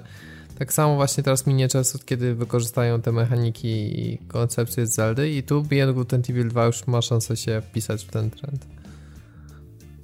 No jestem ciekawy, prawdę mówiąc, które bo, bo proceduralnie generowane planety nadal mi się nie wpisują w Zeldę, więc... Chodzi o samą eksplorację, o to, że może nie znacznik, tylko taka no i teraz, eksploracja. No i teraz właśnie porównaj sobie eksplorację z Zeldy, w sensie to, co widziałeś, znasz, do tego miasta, które nam pokazali w tym CGI-u. No przecież to się ma nijak. Ale Czy... ten CGI się ma nijak do końca. No to po co w takim razie go gry? pokazywać i go robić, no? Żeby zrobić show, no. No ale to, to jest kłamstwo, bo przecież ta gra nie dość, że nie będzie tak wyglądała, nie będzie się opierała na tym, y, na, na, na nie wiem, na, no bo nie wiem, dobra, nie wiemy nic, w sumie może się opierać, okej, okay, czekam. No ale, ale, no, ale na razie traktuję ten, ten CGI jako piękne animacje i kłamstwo. Mam nadzieję, Pamiętasz, że się jakie miał The Old Republic, piękne zwiastuny? No ale tam to chociaż, wyszło? no ale nie, no ale tam to chociaż, nie jak, ja akurat grałem w Old Republic i uważam, że to jest bardzo fajne MMO, e, które, uwaga, ja jako fan, znaczy nie fan totalny, antyfan MMO, w które wciągnąłem, a to dlatego, że tam jest y, fabuła, którą rozgrywasz normalnie, tak jakbyś sobie grał w jakiegoś Mass Effecta. Łącznie, no jest, z, jest. łącznie z dialogami, które się w, te, w ten sposób... Ja wiem, ja też to grałem, ale I bardzo ciekawa fabuła. A właśnie bardzo ciekawa fabuła. Właśnie tam jest super. Te, to, że ona się tam zmieni w zależności, w zależności od tego, jaką masz klasę i w ogóle. I także ja polecam wam spróbować, bo to jest darmowe, zdaje się. E, MMO, więc polecam wam, e, żebyście sobie to ściągnęli i spróbowali, bo owszem, tak, mechanika walki opiera się o MMO, ale wszystko inne e, jest bardzo fajne. Więc znaczy, no zgodzę się, że jest ciekawsza fabuła niż w Andromedzie. Ale to nie jest wielkie osiągnięcie. Ostatnio włożyłem przez przypadek e, widelec do mikrofalówki i to było ciekawsze niż fabuła Andromedy. Natomiast pytanie, jak się zaprezentuje fabuła w Detroit Become Human. Ja już wiem jak, beznadziejnie, od razu mogę wam powiedzieć. O, no. będzie wojna! Będzie wojna, a ja ci powiem, że jestem dziwnie spokojny o ten tytuł. Nie, ten pan nie umie pisać gier, sorry. I nie chodzi mi o to, że nie umie klepać kodu, tylko nie umie pisać scenariuszy do gier. I tak wiem, super Heavy Rain był w, momencie premiery. Chciałem jeszcze raz podziękować bardzo serdecznie osobie, która zaspoilowała mi, e, kim jest Origami Killer. A ja Ale grałem nawet... 3 lata po premierze i dalej nie wiedziałem, kto jest i dowiedziałem się grając w grę, więc to było fajne. I to, to było nie fajne, wiem, tak znaczy, wczoraj... ale serio to było fajne. Znaczy, Robert, chcesz mi powiedzieć, że sposób, w jaki z... zostałeś żeby nie zdradzać ludziom, którzy nie grali, no ale w jaki sposób, sposób, w jaki dowiedziałem się o tym, kto jest, tak? Że... No i to, i to w jaki sposób y, gra ci wcześniej tą postać pokazuje, jest po prostu słabe, no. no nie wiem, to jest, to jest takie, to jest takie oszuka, oszukiwanie gracza na najniższym możliwym poziomie. Już ale może jest, ale faktem jest, że to jednak nie jest film, tylko że to jednak, wiesz, jak sobie przypominam tę scenę na przykład na wysypisku, uciekanie z tego samochodu, czy na przykład tą scenę, kiedy po tym szkle tam w szybie wentylacyjnej A bo widzisz, bo, bo, bo, pan to... y, Dawid Kratka ma umiejętność budowania poszczególnych scen. To jest prawda, bo, na, bo, nawet w beznadziejnym Beyond poszczególne sekwencje, jak w oderwaniu od wszystkiego innego, są całkiem fajnie zrealizowane. Problem tak. w tym, że to się nigdy, że Beyond się kompletnie nie spinało. To był taki bełkot, że po prostu, że ja do tej pory jestem zły, że straciłem czas na tą grę. No, to Beyond jest dramat, jest, nie? jest słaby, ale Heavy Rain akurat mi się podobał i jakby uważam, że nie ma tak dużo tego typu gier i sam fakt, że jak się trochę wciągniesz w ten gameplay, to wybaczasz więcej tej, tej grze niż tak analizujesz ją na chłodno później. Te gry tak do siebie mają. I że one się nie nadają na, na przykład na drugie przejście, na jakieś analizy, rozkminy, tylko ty musisz tam sporo bullshitu kupić i jakby tak trochę przymknąć oko to, to tam i wtedy jesteś w stanie z tego czerpać radość. Ja się boję po prostu banału tego Detroit. Ja się boję, że sprzedawanie nam po raz 58 po prostu tej samej historyjki o androidzie, który uzyskuje samoświadomość i te... Ale nie wiem, ja, ja mam jakieś takie dziwne, nie wiem ja, ja takich historii mogę przez 100 razy prze, przerabiać i mi się to po prostu dalej. Tylko wiesz, Robert, ty podoba. możesz takie historie przerabiać 100 różnych takich historii na 100 różnych sposobów i będzie spoko, ale po drugiej stronie tego wszystkiego jest Dawid Karze, który też ma chyba 100 wizji i nie bardzo wie, którą chce zrealizować, bo póki co widzieliśmy chyba cztery różne gameplaye z tej gry i każdy jest inny i pokazuje co innego i to nie świadczy o jej różnorodności, a o tym, że on się miota po prostu. Trochę tak, ale tu widzę nacisk na to, że znajdujemy jakieś elementy w w danej lokacji i później to wpływa na nasze dialogi. I nowością jest to, że wszystkie dialogi musimy w określonym czasie wybrać. Cały czas jesteśmy pod presją wyboru, przynajmniej tak to było na... No tak, czyli Dawid Karze miał okazję odpalić którąkolwiek grę od Telltale. dokładnie. No, dokładnie. No ale wiesz, no poprzednio tego zdaje się nie było. E, no i sam fakt, że była pokazana już po raz kolejny ta sama scena tak naprawdę tylko trochę, trochę w innym wydaniu. No trochę nie nastrawia pozytywnie, bo zastanawiam się jak w ogóle jest z różnorodnością lokacji, ile tam tych rzeczy jest gotowych. Bo celowo umieściłem Detroit w kategorii, że gra wyjdzie kiedyś, bo ja nie wierzę w przyszłoroczny start i oni chyba tam zmieniają parę razy koncepcję i jeszcze są daleko w polu. Ja myślę, że PS5. Że demo technologiczne kara było na PS3, więc jak wydadzą na PS5 to będzie dobrze. A jak ci się podoba w ogóle ta gra? Wizualnie? Jest, tak. E, najbardziej mi się podobają oczy tych postaci. Są no, czyli coś, fajne. co w Heavy Rain już robiło ogromne wrażenie. Tak, no i... Nie są martwe jak w Raczecie. No, tak, to prawda, że, że są dużo bardziej żywe, no, ale, ale porównujesz y, oczy zwierz... Zamknij się.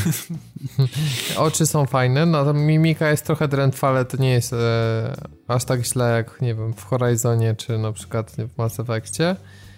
Natomiast jeżeli chodzi o tła i tak dalej, to jest klimatycznie, ale jakoś nie wiem, aż tak nie, nie porywa. Trochę się zestarzała grafika tej gry, ale, ale jest sympatycznie po prostu, jest, jest, jest okej. Okay. Dla mnie ona jest bardzo podobna do tego, co było w e, Beyond, mianowicie do takiej pewnej sterylności i uproszczenia otoczenia. Tak mi się wydaje, jest że tak tym. dużo idzie pary w postacie, że e, jeszcze w Beyond to mieliśmy w ogóle ten motyw, że tam kamera nie mogłeś drgnąć, znaczy niby mogłeś lekko poruszyć kamerą, ale ona była taka zafiksowana, żebyś za dużo konsola nie musiała renderować. I czy tam były, czy tam były paski? Czy tam była kaszeta w Beyond? Wydaje mi się, że tak. Że, tam, że to było bardzo, bardzo ograniczone, żebyśmy jak... Znaczy, nie pamiętam, okej. Okay. Znaczy nie, wiesz co, to w The Order tak, było 21 to. Na, na, na 9 amorficzne, znaczy 2,35 do 1, ale jak było w Beyond, okay, to nie no, pamiętam w każdym już. razie i, i, to mi się niespecjalnie podobało i prawdę mówiąc Heavy Rain tego nie miał i Heavy Rain wygląda w momencie premiery dużo ciekawiej niż wyglądało Beyond i to jak, bo tak, postacie wyglądały fajnie, ale reszta nie wyglądała już tak fajnie i tak samo tutaj mam wrażenie, że ja, ja wiem czego im brakuje. Kontrastu i cieni. Jakby, jakby, jakby te gry, mia gry miały za mało cieni i za mało tego kontrastu z jakiegoś powodu. Jakby one były takie właśnie takim, takim no takie wypłaszczone jakby, jeśli chodzi o kolorystykę i ilość tych szczegółów. Nie były takie plastyczne. Nie wiem, czy... zastanawiam się, jak to skomentować, co powiedziałeś. No, no jeżeli masz inne... Albo... Beyond, Beyond po prostu... Ale były dla... cycki Ellen Page, nie? Hej. No, tak. Ellen Page nie ma cycków, może... No. Kurde. Mas, jajeczka sadzone ja chcę zapomnieć w ogóle o Beyond, tak? I dla mnie to jest gra pomyłka i, i ja mam cały czas jestem jakoś dziwnie spokojny, że Detroit będzie bliżej do Heavy Raina, ale jak ktoś nie lubi Davida Karze, to, to nie spotka się tutaj z czymś nowym i fajnym, więc tak naprawdę tyle, no. Wydaje mi się, że i tak jeszcze nie jedno E3 z Detroit zobaczymy. No, to na pewno. Podobnie jeżeli chodzi o Metroid Prime 4, które dostało trailer w postaci wyjeżdżającej czwórki, tak? I hasło Metroid Prime, po czym internet i tak oszalał. Bo w końcu. Ja zgodnie z tym, co powiedziałem w poprzednim podcaście, jadę do Tomka się napić w najbliższym czasie. Zobaczymy jeszcze tylko kiedy. Totalnie. Zapraszamy Samus Aran Ale na trzeba imprezę będzie. i będziemy imprezować. No to... Pijemy za Metroida. Zero Ja wiem, że, ja wiem, że to może się wydawać absurdalne, że ja tutaj mówię o tym, że się nie jaram Metro, bo, bo pokazali animację, że target render, tak? A jaram się tym, że po, po, po, pojawił się sam tytuł. No więc to jest jednak pewna duża różnica, bo tak. po pierwsze ta marka, ona tak, tak długo o niej było cicho, że, że, że, że prawdopodobnie było to, że ona się po prostu, to jest jedna z najsłabiej sprzedających się marek Nintendo, jeśli w ogóle nie najsłabsza i ona po prostu yy, przegrywa walkę z, nie wiem, z Pokémonami, z Marianami i tak dalej. Albo z Yoshim i Kirbym. Dokładnie i dlatego wszyscy myślą, a jednocześnie wymaga bardzo dużo pracy i nakładów, no bo to jest taka najbardziej powiedzmy dojrzała em, seria całej, yy, całego portfolio Nintendo i wymaga tam różnych właśnie, znaczy rozbudowane te gry zawsze były, dużo bardziej jeśli chodzi o lokacje i tak dalej niż inne tytuły i i tak i wydaje mi się, że po prostu one kosztowały nie, i nie zarabiały na siebie tyle, ile powinny i to groziło, że nigdy nie użyjemy żadnego tytułu z podznaku Metroida, a już na pewno nie z podznaku Metroida Prime, czyli przeniesienie tego wszystkiego w FPP. I, I, dla mnie, dlatego po prostu widok, fakt, że to i tak dostaliśmy, byliśmy szczodrzy wobec e, zapowiedzi nowych Pokémonów na Switcha, które, które to zapowiedź zakładam, że się pojawiła tylko dlatego, że ludzie, jak się dowiedzieli, że tam Ultra Sun i Moon będą na 3DS-a i po prostu wszyscy taki jęk zawodu się przelał przez internet, więc e, Nintendo musiało uspokoić e, ludzi mówiąc, że hej, tak, oczywiście, że zrobimy Pokémony na Switcha. No jasne, że zrobią Pokémony na Switcha, tylko w ogóle kiedy, nie? To, to, to, już inna sprawa. Natomiast no po prostu informacja o tym, że to jest Metroid 4, że ona powstaje, Metroid Prime 4, no dla mnie to informacja targów po prostu. Nie? Piotrek? Wiesz co? To jest dość odważne stwierdzenie, bo zaraz za tą czwórką, czy w zasadzie pod nią widniał taki cudowny napis, który głosił Now in Development. Ja w momencie, kiedy to zobaczyłem, w sensie to, co było powyżej, to sobie pomyślałem, o kurwa, muszę kupić Switcha, a potem zobaczyłem Now in Development i pomyślałem, za dwa lata, więc... No, no, i spoko. No fajnie że, fajnie, że to robią, ale oni sprzedali marzenia jeszcze bardziej niż Sony, które wszystko przesunęło na 2018 rok i w niewiele mniejszym stopniu niż właśnie Ubisoft z swoim Beyond Good and Evil 2, które będzie kiedyś tam. Więc tak, ale... fajnie, że to robią, fajnie, że o tym powiedzieli, ale no jakby w tym momencie nie jestem dalej klientem, który jest gotowy pójść do sklepu i wywalić hajs na Switcha, a zrobi to dopiero, kiedy ta gra się pojawi. Okej, okay, i rozumiem twój punkt widzenia. Natomiast y, w przypadku żadnej innej firmy nie mogę być tak pewny co do tego, że to będzie przynajmniej ok gra, jak, jak w przypadku Nintendo, po prostu. I nawet, i, i, tak, zdarzały się małe potknięcia, znaczy patrzę na ciebie Metroid Other M, Um, Patrzę też na Star Foxa, który...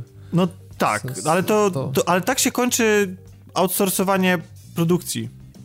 E, znaczy akurat Star Fox był zawsze prawie outsourcowany, ale, mm, ale po prostu niedopilnowanie. I więc wierzę w to, że, że, że tym razem e, to będzie dopilnowane i że to nie będzie lipa i... i znaczy zresztą ADRM też nie bez lipa, bo to, to, że gra jest słabsza nie znaczy, że jest jakaś totalnie beznadziejna czy coś, po prostu odstaje trochę od, od, od innych tego typu, od innych produkcji, tak?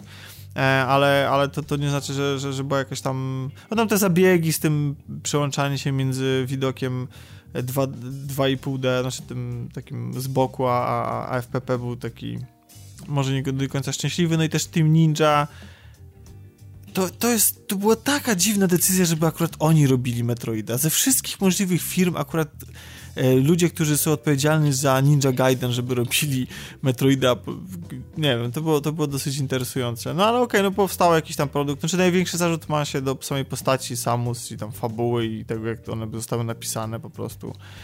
Um, natomiast no nie wiem, no ja dla mnie ja osobiście bardzo odbieram tą serię, bo Metroid był towarzyszył w wielu tam rzeczach w moim życiu i i dlatego też do tego podchodzę bardziej emocjonalnie, a sam... Aha, ludzie, którzy by patrzyliby na gameplay i sobie myśleli, czym się tu podniecać, to wygląda jak typowe, nie wiem, uproszczone Halo i Piu Piu, to chciałem powiedzieć, że te gry bliżej, tej grom jest bliżej do Tomb Raidera, tego starego.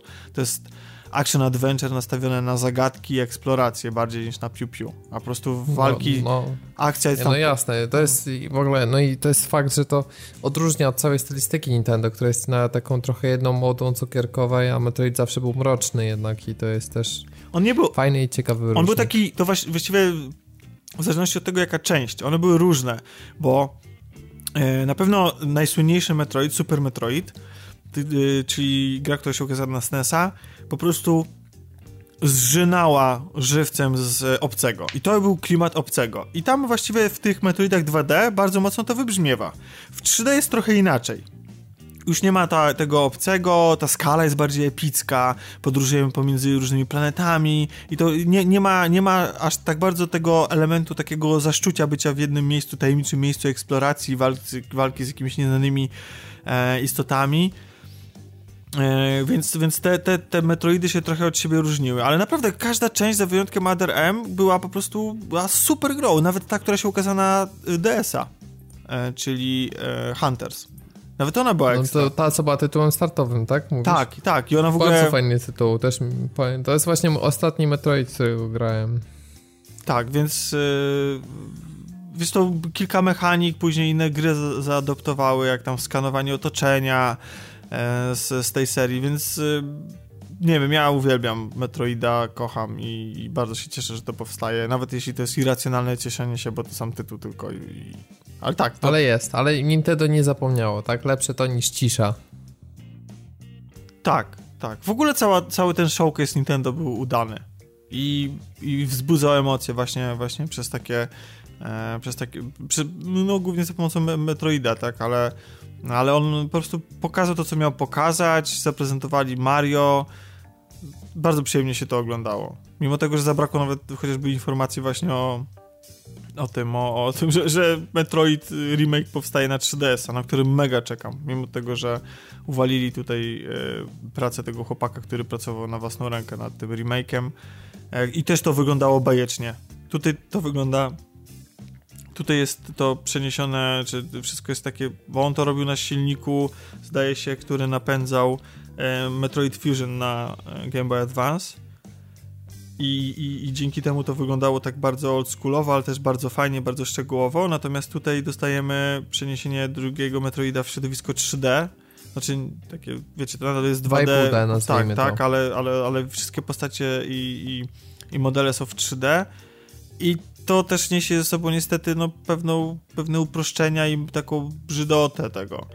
Ale gameplay wygląda zachwycająco, jest, to jest nadal mm, bardzo, bardzo fajna gra, bo i bardzo wymagająca przede wszystkim, bo tak jak powiedziałem, że same walki w Metroidach e, to nie jest klub programu, e, one służą raczej temu z takimi z takimi e, po prostu mniejszymi wrogami, one służą raczej do tego, żebyśmy po prostu, żebyśmy nie czuli nudy przebiegając e, po, po, po, raz tysięczny przez te same pomieszczenia. E, bo tak, bo to jest tak zwana Metroidvania, czyli gra, która wymaga podróżowania i wracania do tych samych pomieszczeń po raz kolejny, ale z nowymi mocami i odkrywania jakichś tam przejść różnych. E, ale już na przykład pojedynki z bossami były zawsze mega wymagające i to akurat tutaj yy, zawsze fajnie, fajne po prostu były, tak? Były dobrze zrobione. Więc czekam. Myślę, że wszyscy czekamy poza Dawidem, który jakoś, ale też bym mógł się wkręcić. Jestem przekonany, że jakbyś spróbował, to Metroid by ci siadł. E, wiesz co? Chyba nie. Bo e, ja sobie tak kiedyś myślałem o takich, tego typu grach i pamiętam jak kiedyś grałem i bardzo mi się podobało w ogóle klimat i Guacamele, nie wiem czy kojarzycie. Mhm, tak, Guacamele też jest Metroidvania, tak. I, I powiedziałem, tak mi się dobrze grało, że stwierdziłem, że zrobię w tej grze platynę. No i jak zobaczyłem, zobaczyłem co, co muszę zrobić i jakim muszę być kocurem, żeby zdobyć wszystkie orby w tej grze, to stwierdziłem, że nie ma szans. Pokonałem, tak... pokonałem wszystkich bossów, pozbierałem absolutnie wszystko, zostawiłem sobie orby na sam koniec i na tych orbach poległem po prostu i, i zabrakło mi chyba z trzech czy czterech do zebrania, żeby mieć, mieć, mieć fulla na PS3 i odpuściłem po prostu, to było ponad moje siły, nie? Po prostu y, y, dziesiątki powtórek pewnych sekwencji i, i takie zmęczenie y, dłoni, głowy i wszystkiego, że stwierdziłem, że nie, nie, nie, nie, że odpuściłem. Znaczy gra mi sprawiała frajdę do pewnego momentu, jako, żeby po prostu przejść całą jako, jako fabułę, sobie pozabijać tam jakiś e, bohaterów, podkrywać cały świat, trochę backtrackingu i tak dalej, tak powiedział Tomek. Natomiast e, robienie tego, co sobie za, zażyczyli twórcy, to było ponad moje siły, nie? Więc... E... No bo to, to była gra, która jakby była zilustrowaniem hasła, które towarzyszyło premierze Daikatanie. Daikatany. Że tam mhm.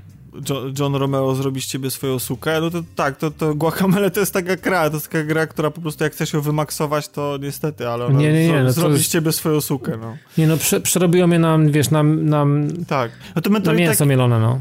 Metroid taki nigdy no nie był, więc on nie był aż taki trudny, on, on znaczy tam nie ma achievementów ani żadnej platyny, tak, przy, przy Metroidach, więc... Nie no, sobie zdaję z tego sprawę, że na pewno nie ma nie ma tych innych pokus, które są tak wykręcone tak po prostu mocno, tak? To nie, nie przerabia cię gra na tatar, no. Natomiast jeśli chodzi o samą historię y, gier i w ogóle giereczkowa i rozwoju tej branży, no to oprócz tego rzeczywiście było to stworzenie pewnego gatunku, to trzeba jeszcze powiedzieć, że to był tytuł, który był jak na swoje czasy bardzo progresywny jeśli chodzi o wymowę, no bo sterowaliśmy główną bohaterką kobietą, Samus Aran i mm, E, I to było o tyle interesujące, że przez całą grę o tym nie miałeś żadnego pojęcia. I dopiero wtedy, kiedy przeszedłeś grę na odpowiednio szybko, to e, zdejmowało na hełm i okazywało się twoim oczom, że grałeś babą. I to było szok wtedy dla... E, że, nie, że nie grasz żadnym robotem, androidem, no bo ona w kostiumie, w tym swoim kombinezonie faktycznie tak wygląda i to był mega szok dla dzieciaków w tamtym czasie, że jak to gram babą.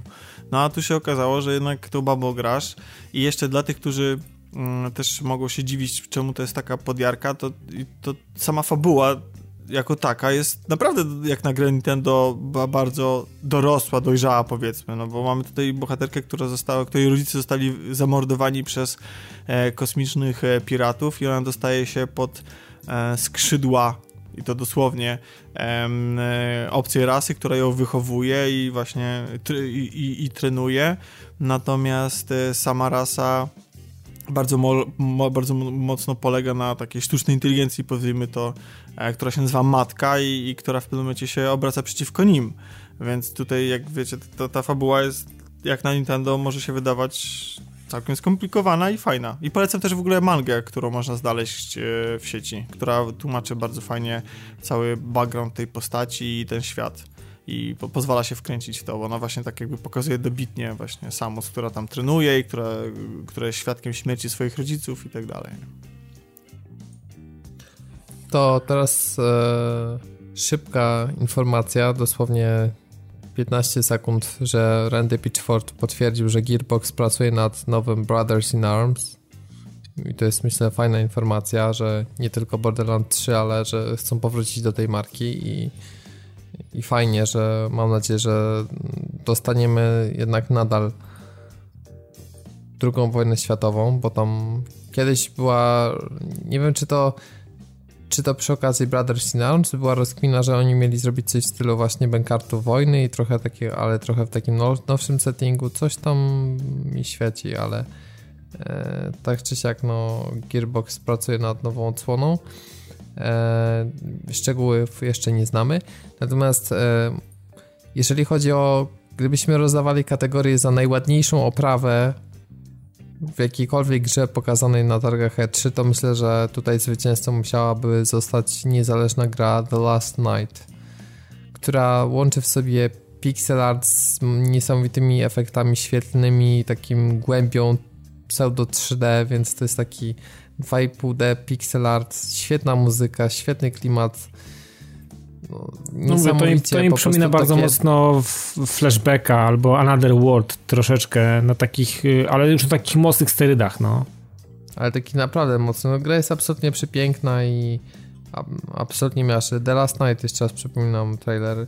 Ma to być taki jak to nazwali cinematic platformer, czyli będzie tam sporo takich wyreżyserowanych też sekcji, ale generalnie ma być to takie taka bardzo też mroczna gra z taką trochę dołującą fabułą. Blade Runner w pixelarcie. Coś no, takiego, no, coś takiego. No wygląda to... No, Dokładnie, no ciężkie tak, obłoki dymu i pary, neony, latające samochody. Dobry cyberpunk i... w, w, w tym, w pixelarcie. Ja w to wjeżdżam, nie ma opcji. To może być pierwszy pixel art, który nie będzie mnie usypiał. To, to jest najładniejszy pixel art, jaki w życiu widziałem, naprawdę. To jest w ogóle zastanawiające, że... No. Jeden, jeden, na pewno jeden, znaczy, no tak, tak, nie, no, tak, tak, tak. Najładniejszy. Piotrze, bo coś chciałeś jeszcze? A widzi... Nie, nie, ja tylko chciałem powiedzieć, że to może wynikać z faktu, że to jest pixel art w nieco wyższej rozdzielczości.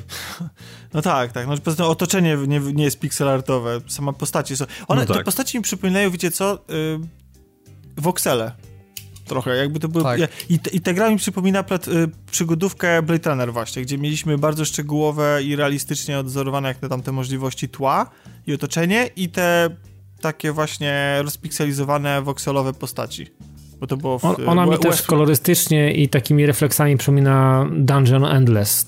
Taki bardzo fajny pixel art też kooperacyjny.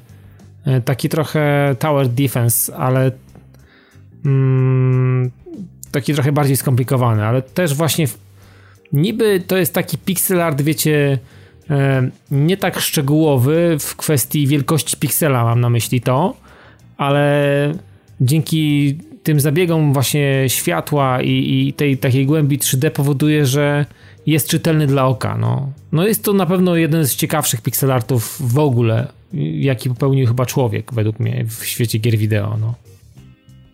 To jest w ogóle ciekawe, że dwie, no chyba możemy się zgodzić, że chyba dwie najbardziej pozytywnie odebrane gry targów to są gry, które w ogóle nie potrzebują 4K ani żadnej mocy ukrytej w Xboxie X, ani nawet w PlayStation Pro czyli właśnie The Last Night i The Way Out.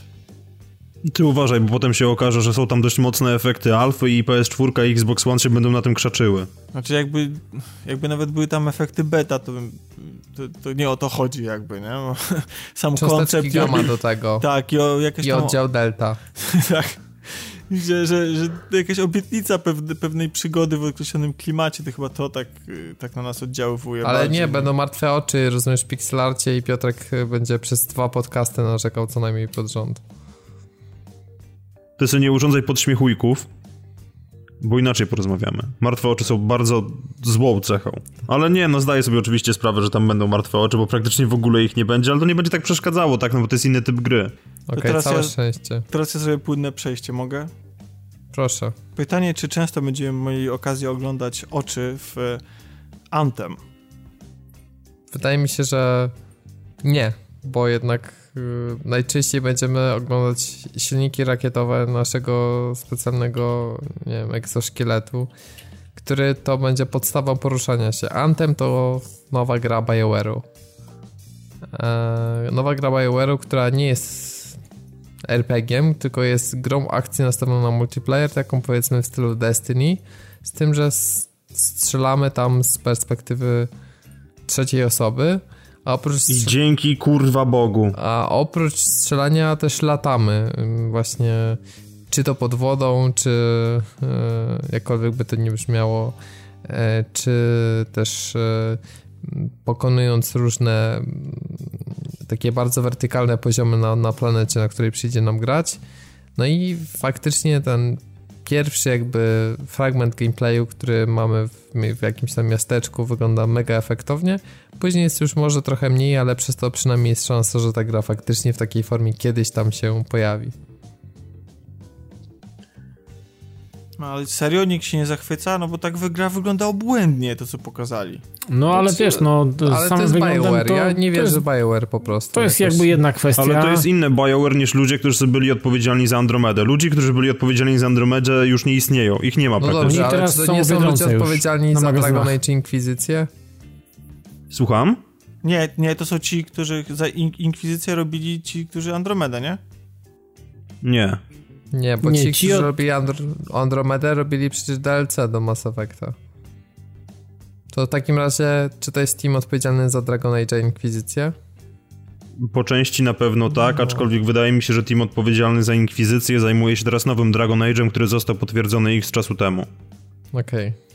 No dobra, ale jak to wygląda w ogóle? Przecież... Znaczy, no... Nie, to wygląda świetnie, to wygląda absolutnie obłędnie i pokazuje, jeżeli, bo oczywiście są, są oczywiście przesłanki, tak, że to jest po prostu ładnie opakowany CGI, który, do którego w After Effects zostały podokładane różne pierdoły, ale jeżeli to rzeczywiście tak wygląda i tak działa, a jestem w stanie w to uwierzyć, to okazuje się, że BioWare, przynajmniej te właściwe BioWare, umie w mimikę twarzy.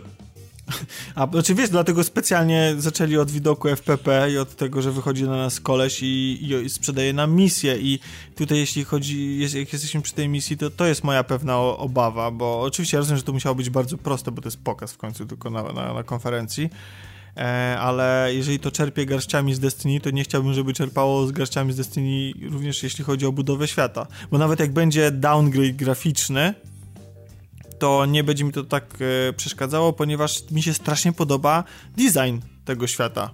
Po prostu.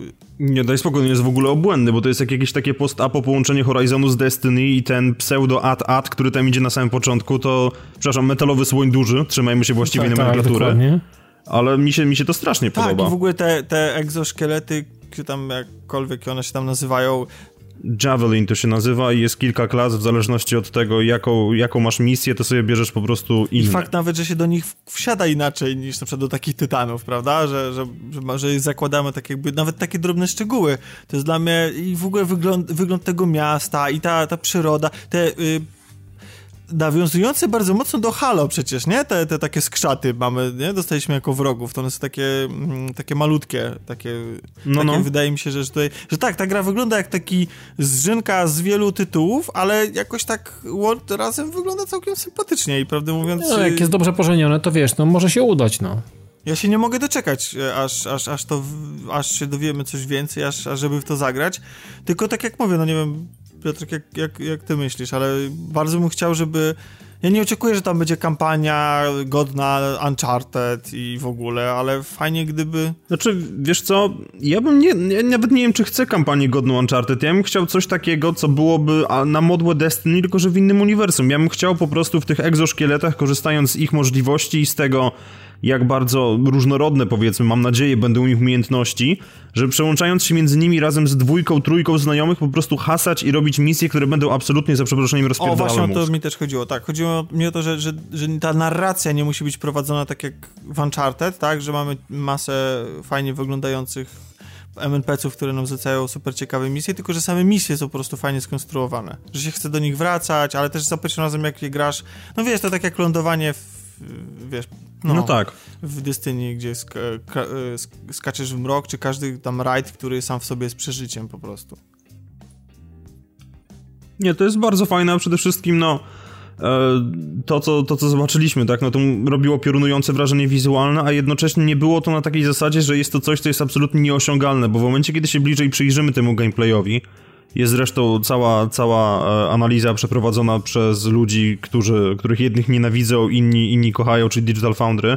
jest cała analiza przeprowadzona przez nich, się okazuje, że to jest renderowane w checkerboardzie, że to nie jest po prostu jakieś nie wiadomo i co wyrenderowane. Bóg wie gdzie, że są problemy z doczytywaniem się tekstur ziemi, co jest dość charakterystyczne dla architektur konsolowych, że niektóre szczegóły nie wyglądają do końca tak jak powinny. I to wszystko, jeżeli to zostało zaplanowane, to BioWare musiało absolutnie musiało podejść do tego w taki sposób, ok, ci skurwiele będą to analizowali, więc teraz podsuńmy im takie rzeczy, żeby to wyglądało jak najbardziej wiarygodnie. Bo to nie jest takie przekręcone na 11, że wszystko po prostu kipi, że jest super ekstra awesome, ale właśnie widać momentami to, że to może rzeczywiście pochodzić z buildu gry. No tak, ale z drugiej strony po co mieliby aż tak się przykładać do tego kłamstwa? No właśnie o to chodzi. O to chodzi, bo wiesz, bo jeżeli to pochodzi. Są po prostu jakby oznaki tego, że to jest budowane na Frostbite, bo są części, takie, jakieś takie typowe, typowe techniki renderowania, które są zaimplementowane w tym silniku. I mi się to strasznie podoba. I podoba, jeżeli BioWare jest w stanie udźwignąć to, żeby zrobić lokalizacje, które będą tak wertykalne i jednocześnie tak bogate, bo przecież ten moment, kiedy ten egzoszkielet wpada pod wodę, kiedy się ukazuje zupełnie inny świat po prostu, no przecież to jest cudowne. I jeżeli oni dowiozą to w takiej formie, że będą tak, tego typu miejscówki, bo oczywiście nie będzie tak cały czas, ale jeżeli będą tego typu miejscówki, to ja chyba wsiąknę, tak dosłownie. Hmm. To muszę przyznać, że na mnie to, ta gra zrobiła wrażenie, mimo tego, że to nie jest mój ulubiony typ rozgrywki, no bo wolałbym, żeby to była przygoda od BioWare, gdzie mamy normalnego RPGa w takim settingu i, i, i z taką grafiką, ale i tak czy siak. I, I, nawet to strzelanie, bo przecież BioWare nigdy nie było mistrzem strzelania, a nawet to strzelanie tutaj, chociaż mieliśmy chyba głównie używany shotgun, to nawet y, ten shotgun wydawał mi się fajny. Strasznie podobał mi się dźwięk, jaki on wydawał na tym gameplayu, że on był taki, taki strasznie metaliczny, jakby metal tar o metal, ale nie taki ciężki metal, tylko jakbyś taki, taki aluminium pocierał aluminium. No, nie, design, design ogólnie i dźwięku i, i, i świata, który zobaczyliśmy był naprawdę bardzo fajnie zrobiony i jeżeli to jest właśnie forma tego nowego BioWare, to ja się jaram w opór po prostu i czekam. Bo no to jest, to wygląda dobrze, tak? To nie wiem, no nie chcę powiedzieć, że to wygląda jak przyszłość, bo, bo nie przesadzajmy, ale to jest zdecydowanie coś, co bardzo bym chciał zobaczyć na swojej konsoli i od czego prawdopodobnie bym się uzależnił, więc no, do diabła z tym wszystkim chcę. I żeby, strajki były fajne, że no w sensie no bo ja jako człowiek, który nie ma takich zgranych znajomych, żeby się z nimi wyruszać na rajdy, to, to, to fajnie, gdyby te strajki z randomami były spoko. Tak jak w Destiny, żeby dawały tyle No zobaczymy jeszcze, jak oni, jak, zobaczymy jeszcze, jak oni w ogóle ogarną strukturę sieciową tego wszystkiego, no bo tu jest jakby bardzo dużo znaków zapytania, tak? Zobaczyliśmy te IP pierwszy raz, swoją drogą ciekawostka, ponieważ zanim w ogóle zostało pokaza został pokazany ten gameplay, to na oficjalnym profilu facebookowym PlayStation Magazine się pojawił screen pokazujący cztery lecące egzoszkielety, więc no tak trochę spoiler dla tych, którzy widzieli, ale no mi się to strasznie podoba, naprawdę. I pod kątem technicznym, e, i pod kątem designu, i pod kątem samego gameplayu, bo ja wielokrotnie mówiłem, że bardzo chętnie bym zagrał w Destiny z perspektywy trzeciej osoby, że jestem trochę zmęczony tym FPP, i fajnie by było, gdybyśmy przeskoczyli właśnie w, w perspektywę z zapleców, bo e, w związku z tym właśnie, że, że to mi się tak podoba, to strasznie lubiłem te misje, w których właśnie biegaliśmy z mieczem albo przedzieraliśmy się pod peleryną niewidką do komnaty kroty. I to były właśnie takie misje, które mi pokazywały, jak bardzo mi tego brakuje i nagle się pojawia BioWare, które robi dokładnie to. A ja pozostanę sceptyczny, bo nie ufam kompletnie BioWare i temu, co robią ostatnio i zarówno pod kątem jakby fabuły i tego, jak będzie działać komponent multi, więc oby to się udało. Chętnie się mm, pozytywnie zaskoczę, póki co pozostaje z rezerwą, czekam na więcej materiałów i myślę, że prędko ten tytuł nie ujrzy. Niby jest napisane, że jesień 2018 roku, ale z drugiej strony raporty finansowe mówią o oknie, które się kończy w marcu 2019 roku i mimo wszystko spodziewałbym się właśnie tego w pierwszych trzech miesiącach dopiero 2019 roku, czyli za tak naprawdę niecałe dwa lata. No dwa lata, no. I tak trzeba, tak trzeba na to czekać. Ale wtedy ludzie może z, z, znudzą się już Destiny 2 i wtedy będzie szansa na to, żeby ten tytuł zaistniał. Czy faktycznie odciągnie ludzi, czy okaże się takim Division? Pożyjemy, zobaczymy. W każdym razie to był nasz ostatni tytuł, który omówiliśmy. Myślę, że podział tych podcastów na dwie części to jednak był dobry pomysł. Na pewno komputer Dawida podziękuję mi za, no, za wy, Myślę, że wytrzyma. Tak, no dwa podcasty tak, ale jeden pięcio i pół godzinny to Myślę, że miał problem. miałby, miałby problem. Dzięki chłopaki, że wytrzymaliście nagrywanie tego maratonu. I cóż, dziękujemy Wam też za kolejne trzy. Jak widzicie, gier nie brakuje. Myślę, że każdy znajdzie coś dla siebie, więc nie dajmy sobie wmówić, że jest kryzys i jest źle. Trochę ponarzekaliśmy, ale całkiem sporo też chwaliliśmy. Dajcie nam znać w komentarzach, czy to na grupie, czy na padtv.pl, jakie są Wasze, powiedzmy, top 3 gry i zaskoczenia, które pojawiły się właśnie na tych targach. Tymczasem zapraszamy Was na naszą grupę. Śledźcie nas też na Facebooku, na Twitterze. E, I jeżeli Wam się podoba, co robimy, możecie nas wesprzeć na patronite.pl. To już wszystko ode mnie. Ja nazywam się Robert Fiałkowski. Prowadziłem 244 łamany na 5 podcast. E, ze mną nagrywał dzisiaj Piotrek Modzelewski. Dzięki wielkie za uwagę. Tomek Pieniak. Dzięki, cześć. I Dawid Maron. Słyszymy się niebawem. Hej.